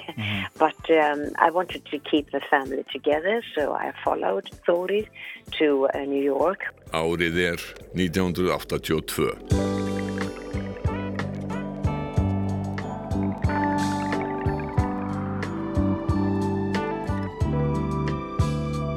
Þórir var ekki búin að búa lengi í bandaríkjunum þegar fór að hallunda fæti hjá honum. þá skellur á kreppa í bandaríkjunum efnaðarskreppa og þa- það er bara hrundi allt Casablanca fór á hausinn og, og hérna og kipt undan mér fótónum Í kjölfar hrunsins voru fjölmörg verkefni blásin af og skyndilega blasti við að Þórir hafði lítið sem ekkert að gera í bransanum Vestanhafs. Það voru einhver verkefni þarna í Los Angeles, ég man að ég fór í eitt af þeim og svona til þess að gefa hugmyndum, ég var þar í viku að vinna einu, það eru 10.000 dólarar bara fyrir vikuna sem er bara nokkuð gott sko.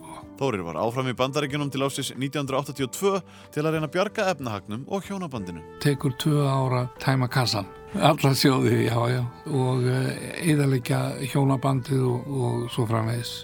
Fjárhags erfileikar hafa vond áhrif á, á sambúð og mikið stress sem að virkið því og það þekkja nú fleira en ég. Það er erfitt að, að, að rýsa upp úr því og vera nýfluttur. Það er líka stress að flytja búferlum frá einu landi til annars. Það er meira en að segja það. Þetta var erfiðu tími. En þú hefur ekki rétt um að réttu stað. Nei, ekki Réttum það. tíma. Ekki þetta skipti. Peningarnir, þeir, þeir hlaupa frá mér. Sko. Forðast mig á því. Nína og Þórir ákváða að skilja og eftir aðeins tvö ár í New York flutti Nína heim til Svíþjóðar með börnin 2 en Þórir tók stefnuna til Íslands.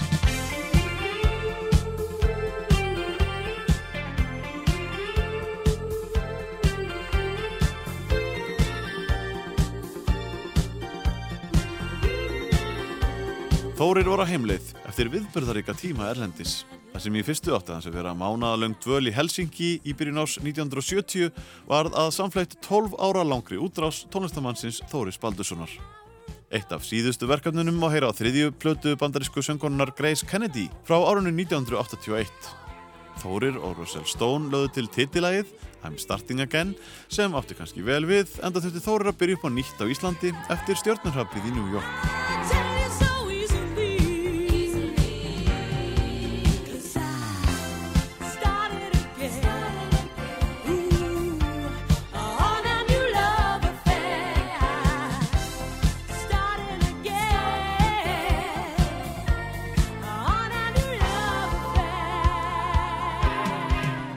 Eftir að Þórir flutti heim voru 1982 fór hún að vinna með Rúna Júl og Maríu sýstu sinni hjá Gamesteins útgáfinni og einnig í samnefndri hljómsveit sem var að undirbúa tónleikaferð sumari 1982. Þórir hafði áður lagt Gamesteini til fjögur lög á plötunni með þrem sem kom út 1980 og eitt þeirra var á vangjum breytingana. Á vængjum breytinganna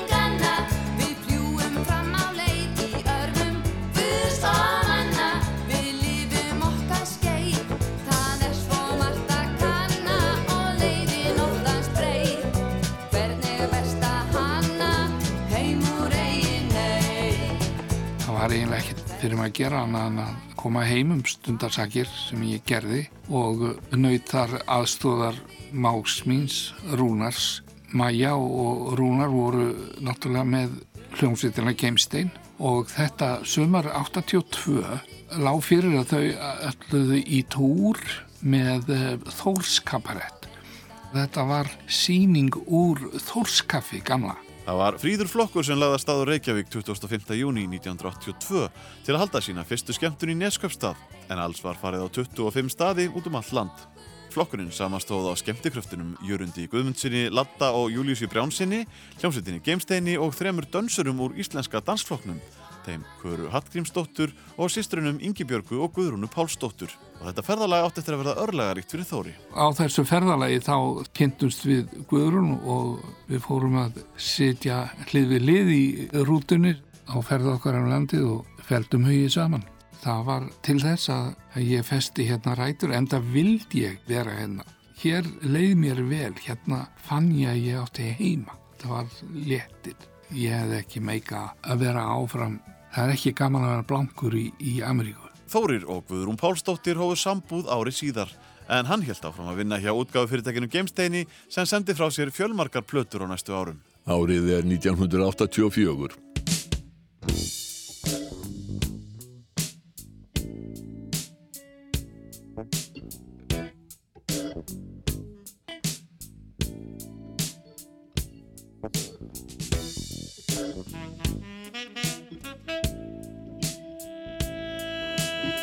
Útgáfu fyrirtæki Geimstein gátt fyrstu plötu jazz hljómsveitarinnar Gamma árið 1984. Sveitin var skipuð þeim Bitni Tórótsen, Stengrími Sigursinni, Stefáni S. Stefánsinni, Skúlasverri sinni og Þóri Baldursinni sem þráttur er að vera orðin færtugur hafði aldrei spilað jazz eins og hann sagði Bubba Mortens í útastættinum færibandinu á Rás 2. Eiginlega hef ég sko aldrei spilað jazz fyrir en ég kom aftur heim til Íslands. Það var ekki fyrir en að hérna Björn Tórótsen ringdi í mig, þá var ég uh, nýkomin heim. Ég, sennilega, þetta hefur verið svona um 83, þá voru gammaðir. Og þá byrjaði ég sko fyrir alveg að spila jazz Og hvað að gerðist þegar þú fórst að spila? Hvernig svona upplifun var þetta? Já, það, það var náttúrulega bara auðvitað svakalega gaman að spila með, með þessum strákum, þetta voru flinkir músikandar. Ég var bara að taka mér tak. Opnaðist nýr heimur, Hammond heimur fyrir þig þegar þú... Algjörlega.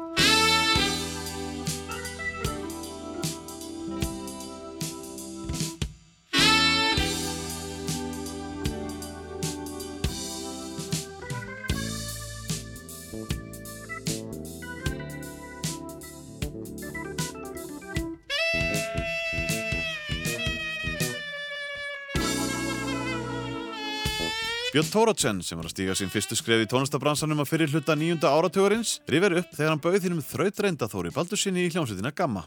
Ég hitti Þóri Baldursson fyrst að ég held 1983. Þá var ég þann mund að stopna hljómsveitina Gamma og ég var nýkomin frá bandaríkjónum og nýkomin frá námi þannig að ég var svona með svolítið stór huga og var búin að finna nokkra spræka stráka og svona heitustu spilarinn í bænum svolítið. Síðan var hljómbórstaðan til trúlega laus. Ég hafði náttúrulega heyrt um Þóri Bald hann þekktu flestir tónlistamenn og ég var svona ungur og óhrættur við að gera hlutina þannig að ég, ég ringdi bara í Þóri ég er svona samfærum um að hann hún fannst þetta svolítið skrítið en hann sló til og fyrir mér var það þannig að, að fá Þóri Baldursson í þessa hljómsveit var það bara eins og að bara meika þetta toppur á mínum ferli að, að fá svona gæja í bandi sitt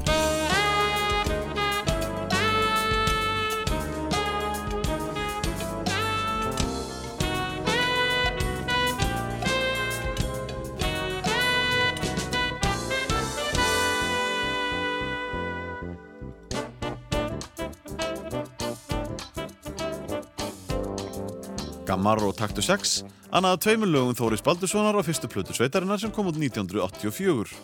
Önnur plata Gamma kom út ári síðar, en þriðja platan af Níðafjöllum kom út 1992. Björn Tórótsen sendi frá sér plötuna Plus árið 1986 ásamt hljómsveit sinni Kvartett Björns Tórótsen og þar var Þóri líka innan bors ásamt því að stjórna upptökum með Byrni og útgefandunum Rúnari Júliusinni.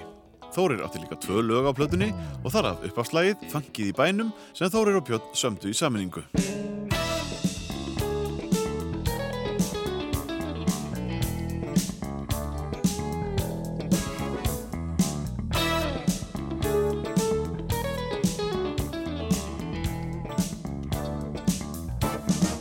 Þóri Baldursson og Rúnar Georgsson gerði plötuna til eru fræ árið 1986 og upptökur fóru fram í upptökuheimili Gamesteins um haustið. Rúnar Georgsson leikur á saxofón og þverflautu en Þóri Baldursson á öll önnur hljóðfæri, svo sem piano, bassa, trommur og hljóðgerla. Þórir útsetti líka öll lögin og annaðis hljóðblöndun, auk þess sem hann stjórnaði upptökum á samt Rúnar Júliusinni.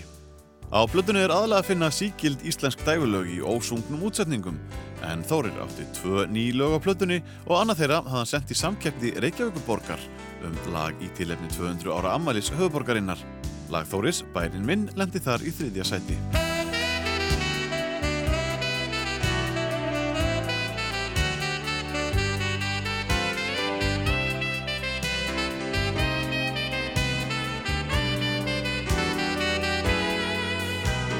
Árið er 1987.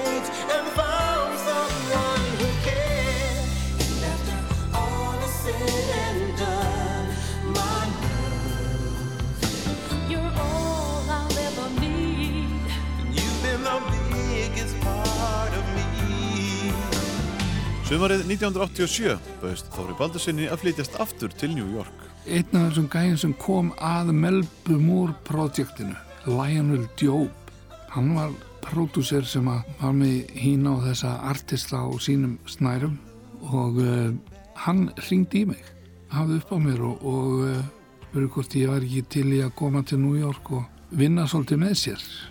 Og ég var náttúrulega til í það. Sá þarna annað tækifæri sko og fór til uh, Lionel til þess að, vinna fyrir hann og með þeim grúpum sem hann var með. Það var allt saman uh, þeldögt fólk.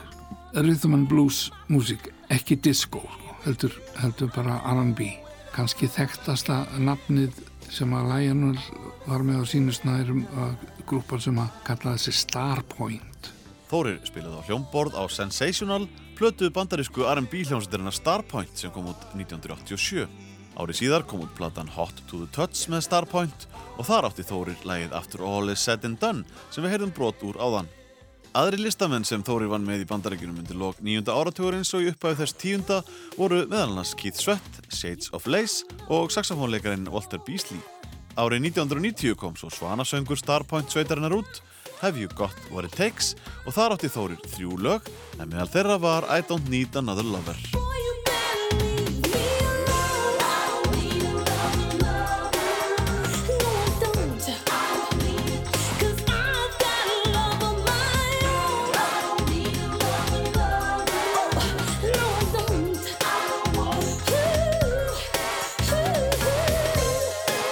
Þórir var fljótt leiður á þessari tónlistastefnu og vinnu umhverfinu og hugurinn leitaði aftur heim.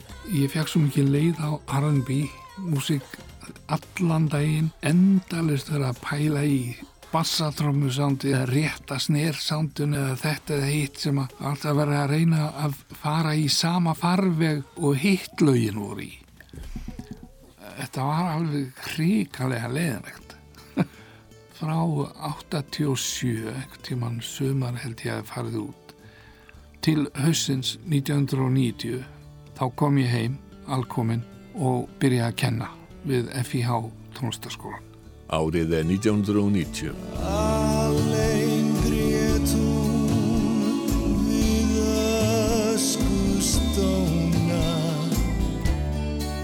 Gott á húsfreyjan á melum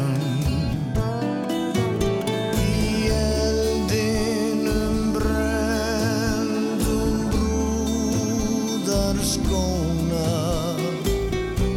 Sumir gera allt í felum Þóri Baldursson flutti að nýju til landsins haustið 1990.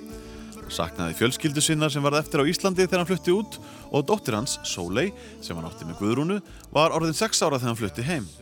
Þórir á Björgunni Haldósinni mikið að þakka því hann hjálpaði honum að koma sér fyrir að nýju í íslenska tónlistabransanum. Bjöggi mér að segja að ringdi í mig til White Plains. Hann sagði sko að uh, hann væri með fullt af jobbum og hann myndi sjá mér fyrir nóg að gera og hann stóð við það algjörlega. Við gerðum mikið saman við Björgvin Þannig að hann hafði eitthvað svona stóra þátt ásamt rúnari að koma þær inn í bransana nýju. alveg öruglega sko og það er bara starrend það er ekkert auðvelt að sko ef maður fer í burtu og er komin út af kortinu að koma aftur þú byrjar ekki það sem þú skildir slóðan eftir þú byrjar ekki þar, þú voru að byrja alveg frá byrjun aftur, næstu því. Þetta tók svolítið tíma sko en ég er Björgvin mjög þakkláttur fyrir það sem hann færði mér Sko, Þóri Baldurs er svo mikið treytningur. Hann er svo ósalega uh, mikið músikant, sko. Flottur útsetjari og svona. Þegar að ég uh, hef samband við hann, að því hann var búin að vera úti svo lengi, ég sagði, þegar þú kemur, þá verðum við að vinna saman. Og svo kom hann og við erum búin að vera í raun og veru að vinna mikið saman síðan, sko. Ég sótti alltaf í mína svona aðeins eldri menn, sko. Reynd að velja, sko, betri menn en mig, sko, sem kunna meir en ég, sko eins og ég segi stundum sko, þó spilir hans og gítarinn þá tekur ekki öll sólóin sko, þú farið menn í það og Þórir er náttúrulega búin að vinna með mér allan enn tíma og er búin að ég meina ég hef ekki geta verið ennþá að þessu nema hans vegna sko, hann er búin að hjálpa mér mikið og ég er vonandi búin að gefa honum eitthvað Sagði Björgvin Haldursson sem stóð við stóru orðin. Þóri Baldursson hefur verið nánasti samstarfsmaður Björgvins frá því hann flutti alfarið heim haustið 1990. Þórir fór fljótlega að kenna við tónlistaskóla FIH eins og Jónatan Garðarsson rifjaði upp í útastættinum Víðsjá ára ás 1 árið 2011 í þætti sem var tilengaðu Þóri heiðus veluna hafa íslensku tónlistarvelununa sama ár. og svo gerist hann kennar í FIH 1990 og þá hefst það í hans æfi. Á þeim tíma er að mér að menna að kenna, stúdira, lesa, skrifa kennslubók í þessu, kenna upptöku tækni svona á einfaldan hátt og nota samplingræður og það allt saman og hann er virtu kennari og allt sem hann tekur sér fyrir hendur hann fer alveg kafið það og læri það alveg út í ist og æsar og mjög öll með að miðla því og ég held að sákabli verið þá sem að þetta er að standa lengst þar að segja arfleð hans verður svo allt sem hann kunni er búin að kenna og það er mjög mikilvægt Árið er 1992. Mentamálaráðunetið hafði í samstarfi við sveitafélögum land allt haldið svo kallaða MH-tíð um nokkur ára skeið. Hún var fyrst haldið 1986 á Akureyri og árið 1992 var komið að Suðunesjum. Hápunktur hátíðarinnar voru tónleikar í Keflavík um haustið. Fljótlega kviknaði svo hugmynd að samina symfóníu hljómsveit og rockhljómsveit í uppsetningu árumlega 20 ára gamlu tónverki Trúbrots Livun. Þóri Baldursson var fengið til að útsetja verkið en Þórir og Rúnar Júliusson höfðu lengi ætlað að vinna meira með þessa mögnuðu plötu. stóð alltaf til hjá okkur Rúna að gera eitthvað meira sko, setja eitthvað meira á þetta strengi eða eitthvað, eitthvað önnur lögfæri það varð hins vegar aldrei úr því en uh, þetta ár, sem sagt 92 þá skrifaði ég þessa útsetningu og um hustið var þetta síðan flutt Lífið endur tekur sig í sífellu En hvar hefst það? Hvar endar það? Djúft í undirvitundinni örlar kannski á skilningi því innan misturs vitundarinnar telur þú þig hafa svar á reyðum höndum. Þetta var svolítið langt sko og alls ekkit einfalt. Þá voru tölvöld mikið um svona taktbreytingar. Svolítið snúið að koma því saman. Þá þurfti maður að skrifa. Það voru ekki tölfur. Þannig að maður gæti útsetta á tölvu og heyrt allt og svona. Það var bara blíjantur og stróklegur voru aðal verkværið sko. Og svo náttúrulega eirun. 29. oktober 1992 var lifun sett á svið af Sinfoníu hljómsveit Íslands og Rocksveit í Íþróttahúsinu í Keflavík og daginn eftir var leikurinn endurtekin í Háskólabíu í Reykjavík. Það þótti við hæði að flytja verkið á íslensku og Þorsteinn Eggertsson sá um að þýða og endur segja söguna. Rocksveitin samastóða Gunnlaugi Brím, Tryggvað Höfner, Vilhjálmi Guðjónssoni, Eithori Gunnarsinni og Jóni Ólafsinni og fimm söngurum, Björgunni Haldósinni, Sigríði Beinteinsdóttur, Stefáni Hilmarsinni, Daniel Ágústi Haraldsinni og Eyjólu Kristjánsinni. Stjórnandi Sinfoníuljónstörnar var Ed Wells.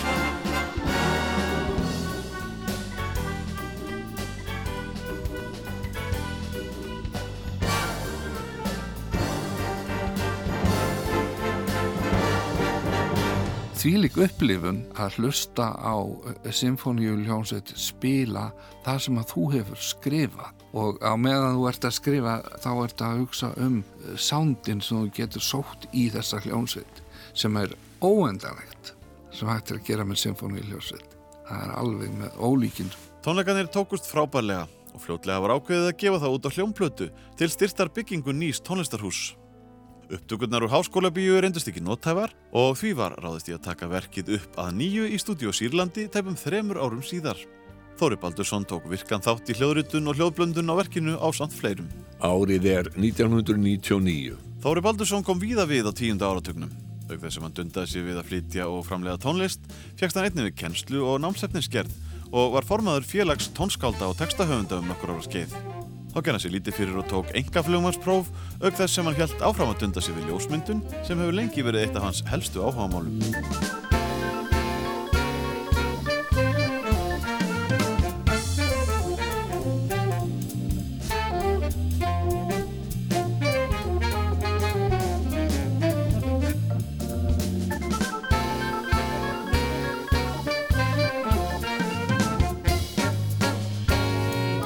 Árið 1999 gaf Þórir út sína fyrstu sóloplötu með eigin efni.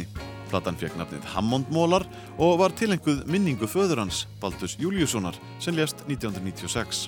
Eins og nafni gefur til kynna var Hammondin í aðalhutverki og lögin flest eftir hann, bæði ný og gömul og við heyrðum brot úr einu af nýju lögunum, Heitri Lummu.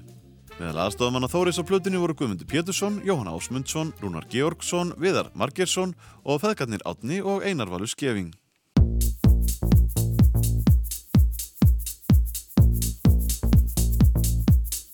Þegar fjölistahópurinn Guðskus vann að þriðju hljóðurspötu sinni This is Normal voru margir hljóðfarleikara kallaði til í hljóðver Valgis Sigurssonar Gróðurhúsið. Þar á meðal voru Sigtryggur Baldursson, Jóhann Ásmundsson, Jón Ólafsson og Þórir Baldursson sem leik á hljómborð í læginu VIP. Magnús Guðmundsson, einnig þekktu sem Hörb Legovits eða Maggi Lego, rifjar upp.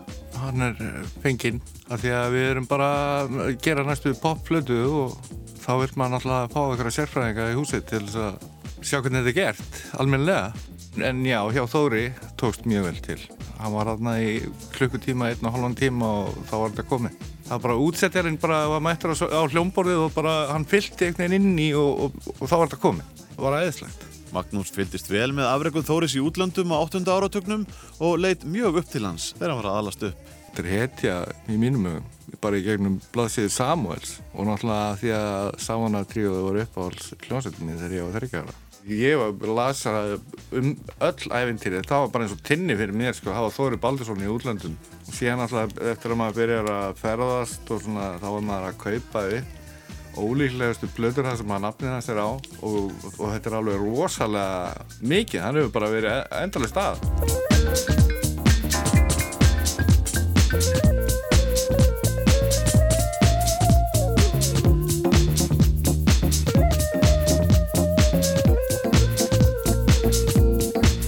Baldursson spilaði hér á hljómborð með Guðskus í læginu VIP af plötunni This is Normal frá árunni 1999. Gus Gus átt eftir að kalla aftur á Þóri síðar en hann spilaði inn á nokkur remix sem flokkurinn sendi frá sér á næstu árum. Árið er 2004.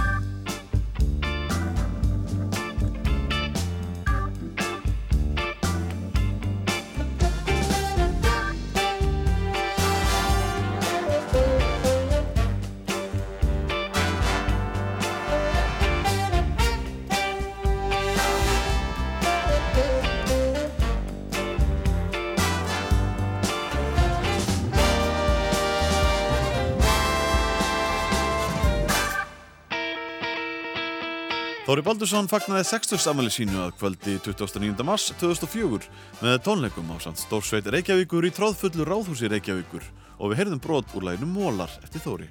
Sérstakar gestir á tónleikunum voru hljómsveitir Hljómar sem var skipuð þeim Gunnari Þórðarsinni, Rúnari Júliusinni, Engilbert Jensen og Ellingi Bjössinni. Auk þess komu félagar Þóris úr Savana-tríóinu, Dróðs Bentsen og Björn G. Björnsson við sögu á tónleikunum að óglemdum Björgunni Haldórsinni og Andriu Gilvardóttur. Í kjálfarið var svo gefin út tvöfaldur geisladiskur í tilefni 60 ára amalist Þóris. Á fyrir diskinum var að finna upptökur frá tónleikunum í Ráðhúsinu en á þeim setni brotaði besta frá lagahöfundinum Þóri Baldursinni. Rúmum tíu árum síðar endur tók Þóri svo leikinn með stórsveitinni í tilefni að sjötugs amali sínu í tónlistar- og ráðstefnuhúsinu Hörpu. Þá voru gestasöngvarar Bubbi Mortens, Björgvin Halldórsson, Ragnar Bjarnason og Sunna, dóttir Þóris, sem söng meðal annars leið Leindarmál sem Þóris samdi fyrir hljónstina Dáta á sjönda áratugnum. Hér heyrðum við hins vegar Andriu Gilvadóttur syngja brot úr sama lagi á 60. amalistónleikunum árið 2004.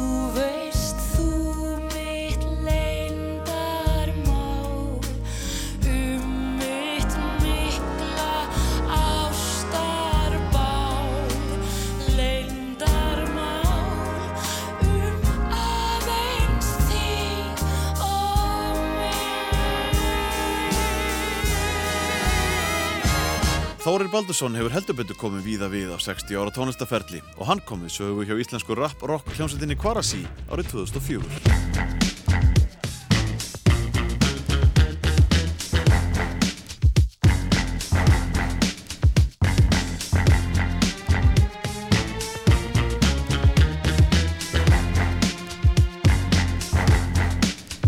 Sumarið 2004, þegar Kvarasi-platan Gorilla Disco var í vinslu, ringdi hljómsveitastjórin Sölvi Blöndal í Þóri og baði hann um að gera strengja útsetningu fyrir lagi Pro. Þetta var bara einhver hugdætt hjá mér held ég að ég langaði til að hafa strengi og ég hugsaði heru, hvernig var að fá Þóri Baldursson til þess að vinna með Kvarasi á þessari plötu og þannig að ég sá mér einhvern veginn leika borði að fá hann að borðinu og ringdi í hann og hann tók bara svakalega vel í þetta og bara mætti í stúdíóið og, og, og ég leiði hann að heyra og hann var rosa hrifinn og, og úr var allavega eitt frábært lag sem heitir Pro sem kom út á plötunni sem hefur verið frekar vinsælt Kvarasi-lag hugmyndin með þessu lagi var alltaf að gera svona disco, retro með þessu þunga bassa kvarasi samdi en blanda þessu svona glimmer strengjum við svona framan að vissum við ekki alveg hvert þetta lag var að fara. En eh, ég man hvernig þetta gerðist hvernig við, hvernig við áttum okkur á því að lagi væri brilljant kaplinn sem ég er ánæst með í dag þegar droppið kemur hjá Tiny eftir fyrsta viðlag. Tökum við taktin út og það eru bara strengir og Tiny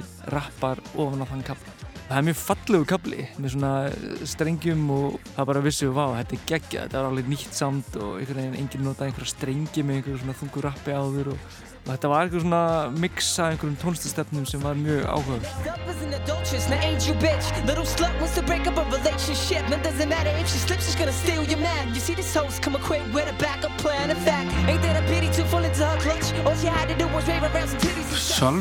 hann leitaði til mín og baði mig um að- að skrifa ákveðið tema sem að hann var með. Hann var með tóndæmi. Gott eða var ekki eitthvað Philadelphia lag sko það var nú ekkert flóknar um það. Ég bara skrifaði það upp og setti þetta einhvern veginn í þannig form að þetta passaði inn í það sem þeir voru búa til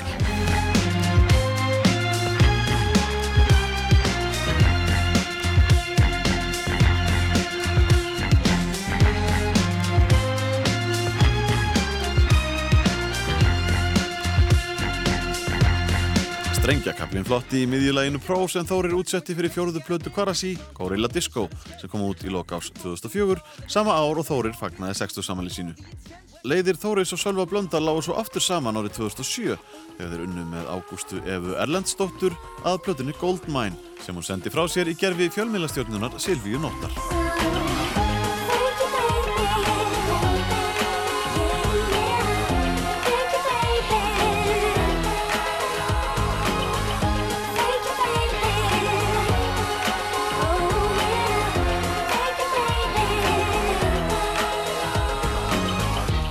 Þór er eins og bara margir góði listamenn. Hann er ákveðin, hann er líka bara fagmaður fram í fingurkoma, hann bara vinnur sína heimavinnu, klára sína parta og mætir í stúdjóið og í stúdjóinu er ekkert endilega mikið pláss til þess að vera að ræða málinn, það er bara execution. Og ég verð að segja, það var svolítið nýtt fyrir mér því að ég hef oft verið í stúdjóinu og ég svona verið að fló, flóta hugmyndum og prófa þetta og prófa hitt. Já, Þóri er það ekki þannig og mér þótti mjög vandum að fá að bara upplifa hans vinnubröð og, og hann miklu, miklu agaðri en ég og ég lærði mjög mikið á hann sérstaklega svona hvað þessum strengjum viðvíkur og það er svona það sem hann, hann einhvern veginn kendi mér.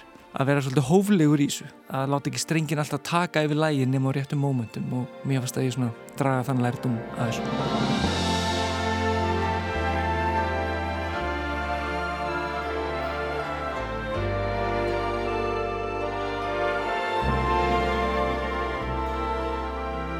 Árið 2006 ágáðu Björgun Haldursson og Sinfoníuljónsett Íslands að snúa bökum saman. Þrennir tónleika voru haldin í lögadarsöllum haustið og gestaplata gefin út fyrir jólin. Þóri Baldursson útsetti tónleikana fyrir Sinfoníuljónsett og Kór auk þess sem hann stjórnaði hrinsveitinni. En Bernhardur Wilkinsson stjórnaði Sinfoníuljónstinni. Ég held æðislega mikið upp á útsetningun og læginu mínu skýð. Hann gerði það alveg listi vel sko og þetta var ofsalega flott hjá hann. Það var alveg stór orkestra með frönskum hotnum og allt sko. Og það situr svolítið í, í minningunni og bara frábært verk eins og allt það sem hann tekur sér fyrir hendur sko. Ég meina, hann er svona einn af þessum sem er alveg með þetta sko. Og mikið respekt í bransanum fyrir Þóri Baldur sinni.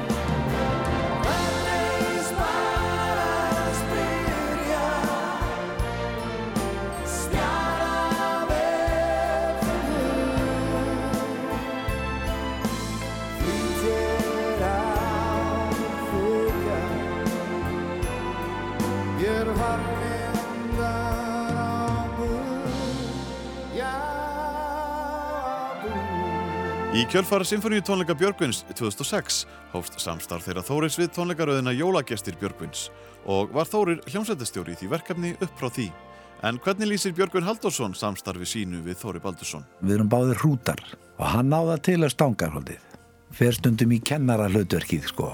Vill frá þögn og það er bara eitt hljómsættastjóri hérna í, á þessar æfingu og svona getur verið svolítið svona harður á sínu og allt svona en voðalegu ljúlingur innst inni sko. Ég meina ég, ég kannast alveg við þetta skapferðli. Hvernig er þið hrútarnir saman? Við höfum stangast á, getum verið fljótur upp og ennþá fljótari niður. En það má ekki gleyma því að Þór er mikil húmor maður sko, mikla kýmning á og á líka flott tilsvör stundum og við erum stundum í keppni um það. Það er alltaf skemmtilegt að vinna með honum, það er bara heiður. Árið er 2008. sem er svartur leiður og byggi húsagörðum. Ver og til laug tóm hreiður. Daflur inn í splitt ég er snöyður túrin bölvað flitt engin nöyður aldrei skal ég aftur út af ballar hafir en flottin orðin er rauður Árið 2008 vann Þóri Baldursson með Bubba Mortens í samstarfi hans og Stórsveita Reykjavíkur. Þórir hafði áður unni með Bubba þegar platan í skugga Mortens kom út 13 árum áður og þeir félagar rættu um vinnuna með Stórsveitinni í þætti Bubba færi bandinu ára ást 2 árið 2010. Ég er mjög stoltur af, af þeim diski. Já, það er ég líka. Já. Og, og ég man bara hvað ég var hissa yfir þessum ógnakrafti sem svona batteri býr yfir. Það er alveg hrikalega flott maður. Já.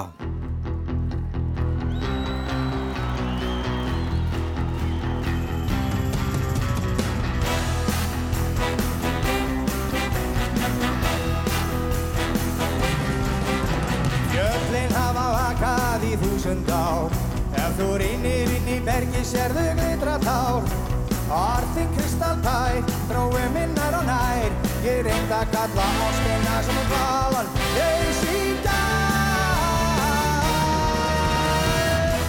Maður er nú verið með rock hljómsveitum Já, og já. allt þetta sko. En, en þetta var einhvern veginn svona wow Já, þetta er svona vá. þ- þrill, sko. Já, þetta var það og þarna kom líka í ljós sko, þú stjórnaðir, þú, þú, Já, já. þú varst með Hammondin og svo bara sátu menn og, og stóðu eins og þú vildir hvernig tilfinning er þetta að hafa svona batteri í hendi sér? Það er alveg óbúslega gaman. Þetta er eins og að hafa fullkomnasta orgel í heiminum. Það þú getur fengið allt það sem þú vilt. Árið er 2011. Árið 2011 fekk Þóri Baldursson heiðursvelun Íslensku tónlistavelununa og það var þáarandi mentamálar á þeirra, Katrín Jakobsdóttir, sem afhendi velunin. Sumum mönnum þá mætast lífið og tónlistin og það má svo sannlega segja um Þóri Baldursson heiðusvelun að hafa íslensku tónlistavelununa, náttúrubann á sviði tónlistar sem hefur gætt íslensk tónlistarlíf, gert það ríkara, mörg undanfærin ár og áratíi og það er mér auðvitað ekkert nema heiður að fá að afhendunum velunin hér í kvöld og ég byrða hann hér hjartanlega velkomin upp á svið, hjartanlega til hamingju með heiðusvelunin. Síðustu daga þá er búið að hella yfir mig þýlugu lofi að ég veit eiginlega ekki hvort fótinn ég á að stíga. Þetta er allt saman satt.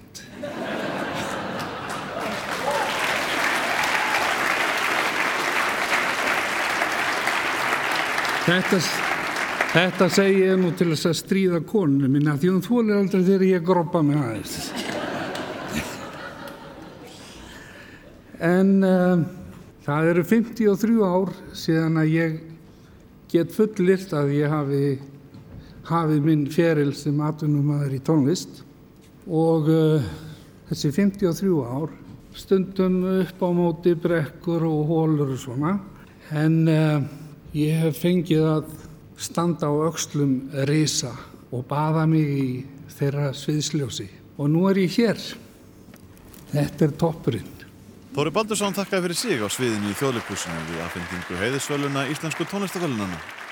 Á nýjóstag 2013 hlotnaðist Þóri Baldurssoni svo sá heiður að vera sæmtur rittarakrossi fyrir framlagsi til íslenskar tónlistar. Þá eru við komin að lokum í þessari umfjöllun um 60 ára tónlistaferil Þóris Baldurssonar.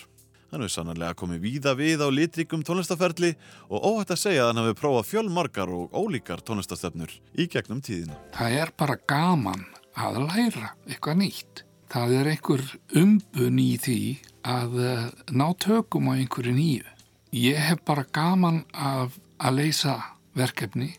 Ég er leikin í að leysa krosskátur til dæmis. Ég hef gaman af vélum og uh, ég hef gaman að gera við hluti sem eru bilaðir.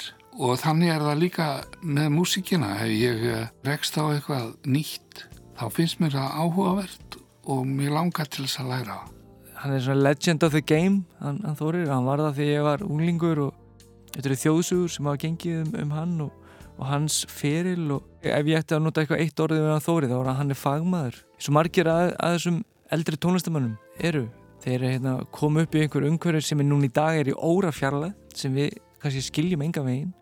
Þeir spiluðu og spiluðu og spiluðu og spiluðu og voru alveg opbáslega góðu hljófarleikarar og þeir lita á þetta held ég bara frá því ég voru veist, 16 ára sem vinnu. Þetta var ekki hobby, þetta var ekki eitthvað sem þú voru að gera á þeirra fór í háskóla. Þetta var eh, þeirra val og þeirra æfistarf er ekki leið að skilja þessa einstaklinga öðru sem að skilja það að þeir eru búin að gera það alveg askuti lengi.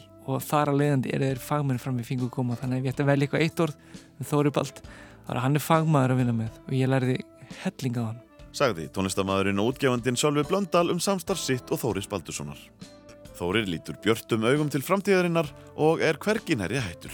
og ég held ég sé komin á þann aldur þar sem að maður hefur meiri tíma til þess að líta yfir farin veg og uh, það er ekki vond tilfinning ekki í mínu tilfell allavega ég hef verið bara mjög lánsamur maður og notið ástar og, og hlýju frá nánast öllum sem ég hef unnið með og umgengist. Þannig að ég get ekki annað en sagt að ég hegi góðar minningar þó ég sé mjög, mjög slappur í að- muna og, rifi upp og, og uh, setja hlutina svona í tímalegt samengi þá er ég svo lánsamur að eiga menn aðeins og þig sem að nennir að fara í gegnum þetta og setja þetta saman fyrir mig í réttri tímaröð og fyrir það er ég afar þakklandur en um, ef ég lít yfir svona heildina þá er ég nú bara nokkuð gladur og sáttur og ég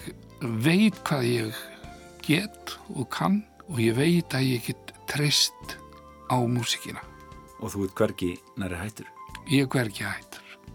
Ég hætti aldrei fyrir en ég bara gef upp andan. Við endum þessa umfjöllun um 60 ára tónlistaferil Þóris Baldurssonar með hljóðritun frá 60 ára amalistónleikunum í Ráðhúsi Reykjavíkur þar sem Savanatríu og Stórsveit Reykjavíkur flytja lag Þóris Jarðarfaradagur við texta Sigurðar Þórarinssonar. Gunnlaugur Jónsson aflaði heimilda og tók viðtöl en ég heiti Áskir Eithórsson og við félagarnir sáum um dagskrárgerð og samsetningu. Sérstakar þakkir fær Þóri Baldursson og allir þeir sem veit okkur viðtöl eða aðstóðu okkur á annan hátt við gerð þáttana. Lengri útgafu af þessum tveimur þáttum um tónlistaferil Þóris Baldurssonar er að finna í hlaðvarpi Rúf og þar er til dæmis mun ítalegri umfjöllun um afreg Þóris hér á landi. Takk fyrir að hlusta.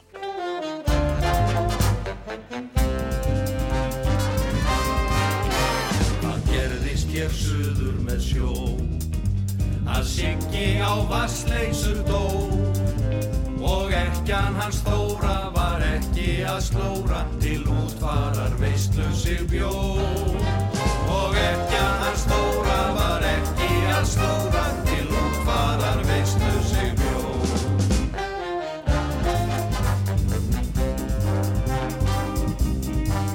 Það var loftdrýf og látauður sjór. Er hinn látni í gröfinna fór. Og ekkjan með sjarmi brá svundu að kvarmi Menn sáu að hrigðin var stór. Og ekkjan með sjarmi brá svundu að kvarmi Menn sáu að hrigðin var stór.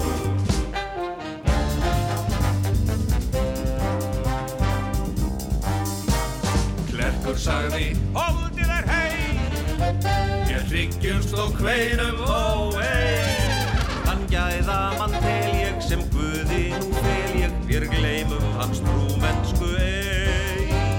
Hann gæða mann tel ég sem Guði nú fel ég Við gleymum hans trúmennsku ei.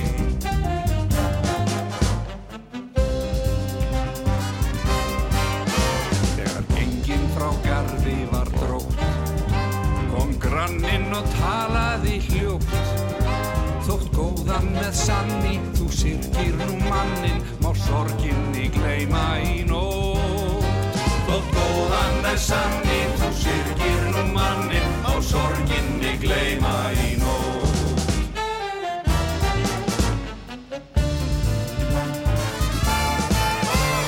Þóra sagði því skal ei lengt að þetta er fallega mein.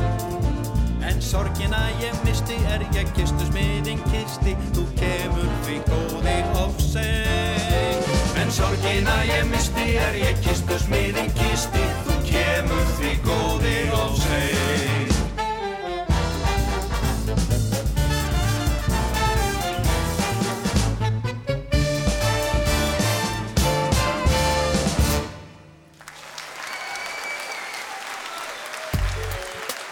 Þessi þáttur var hluti af Sumargjöfur Ásar 2. Þú getur nálgast fleiri þætti úr safnir Ásar 2 í spilaranum á rúf.is, í rúf appinu fyrir snjalltæki og öllum helstu hlaðvarpsveitum.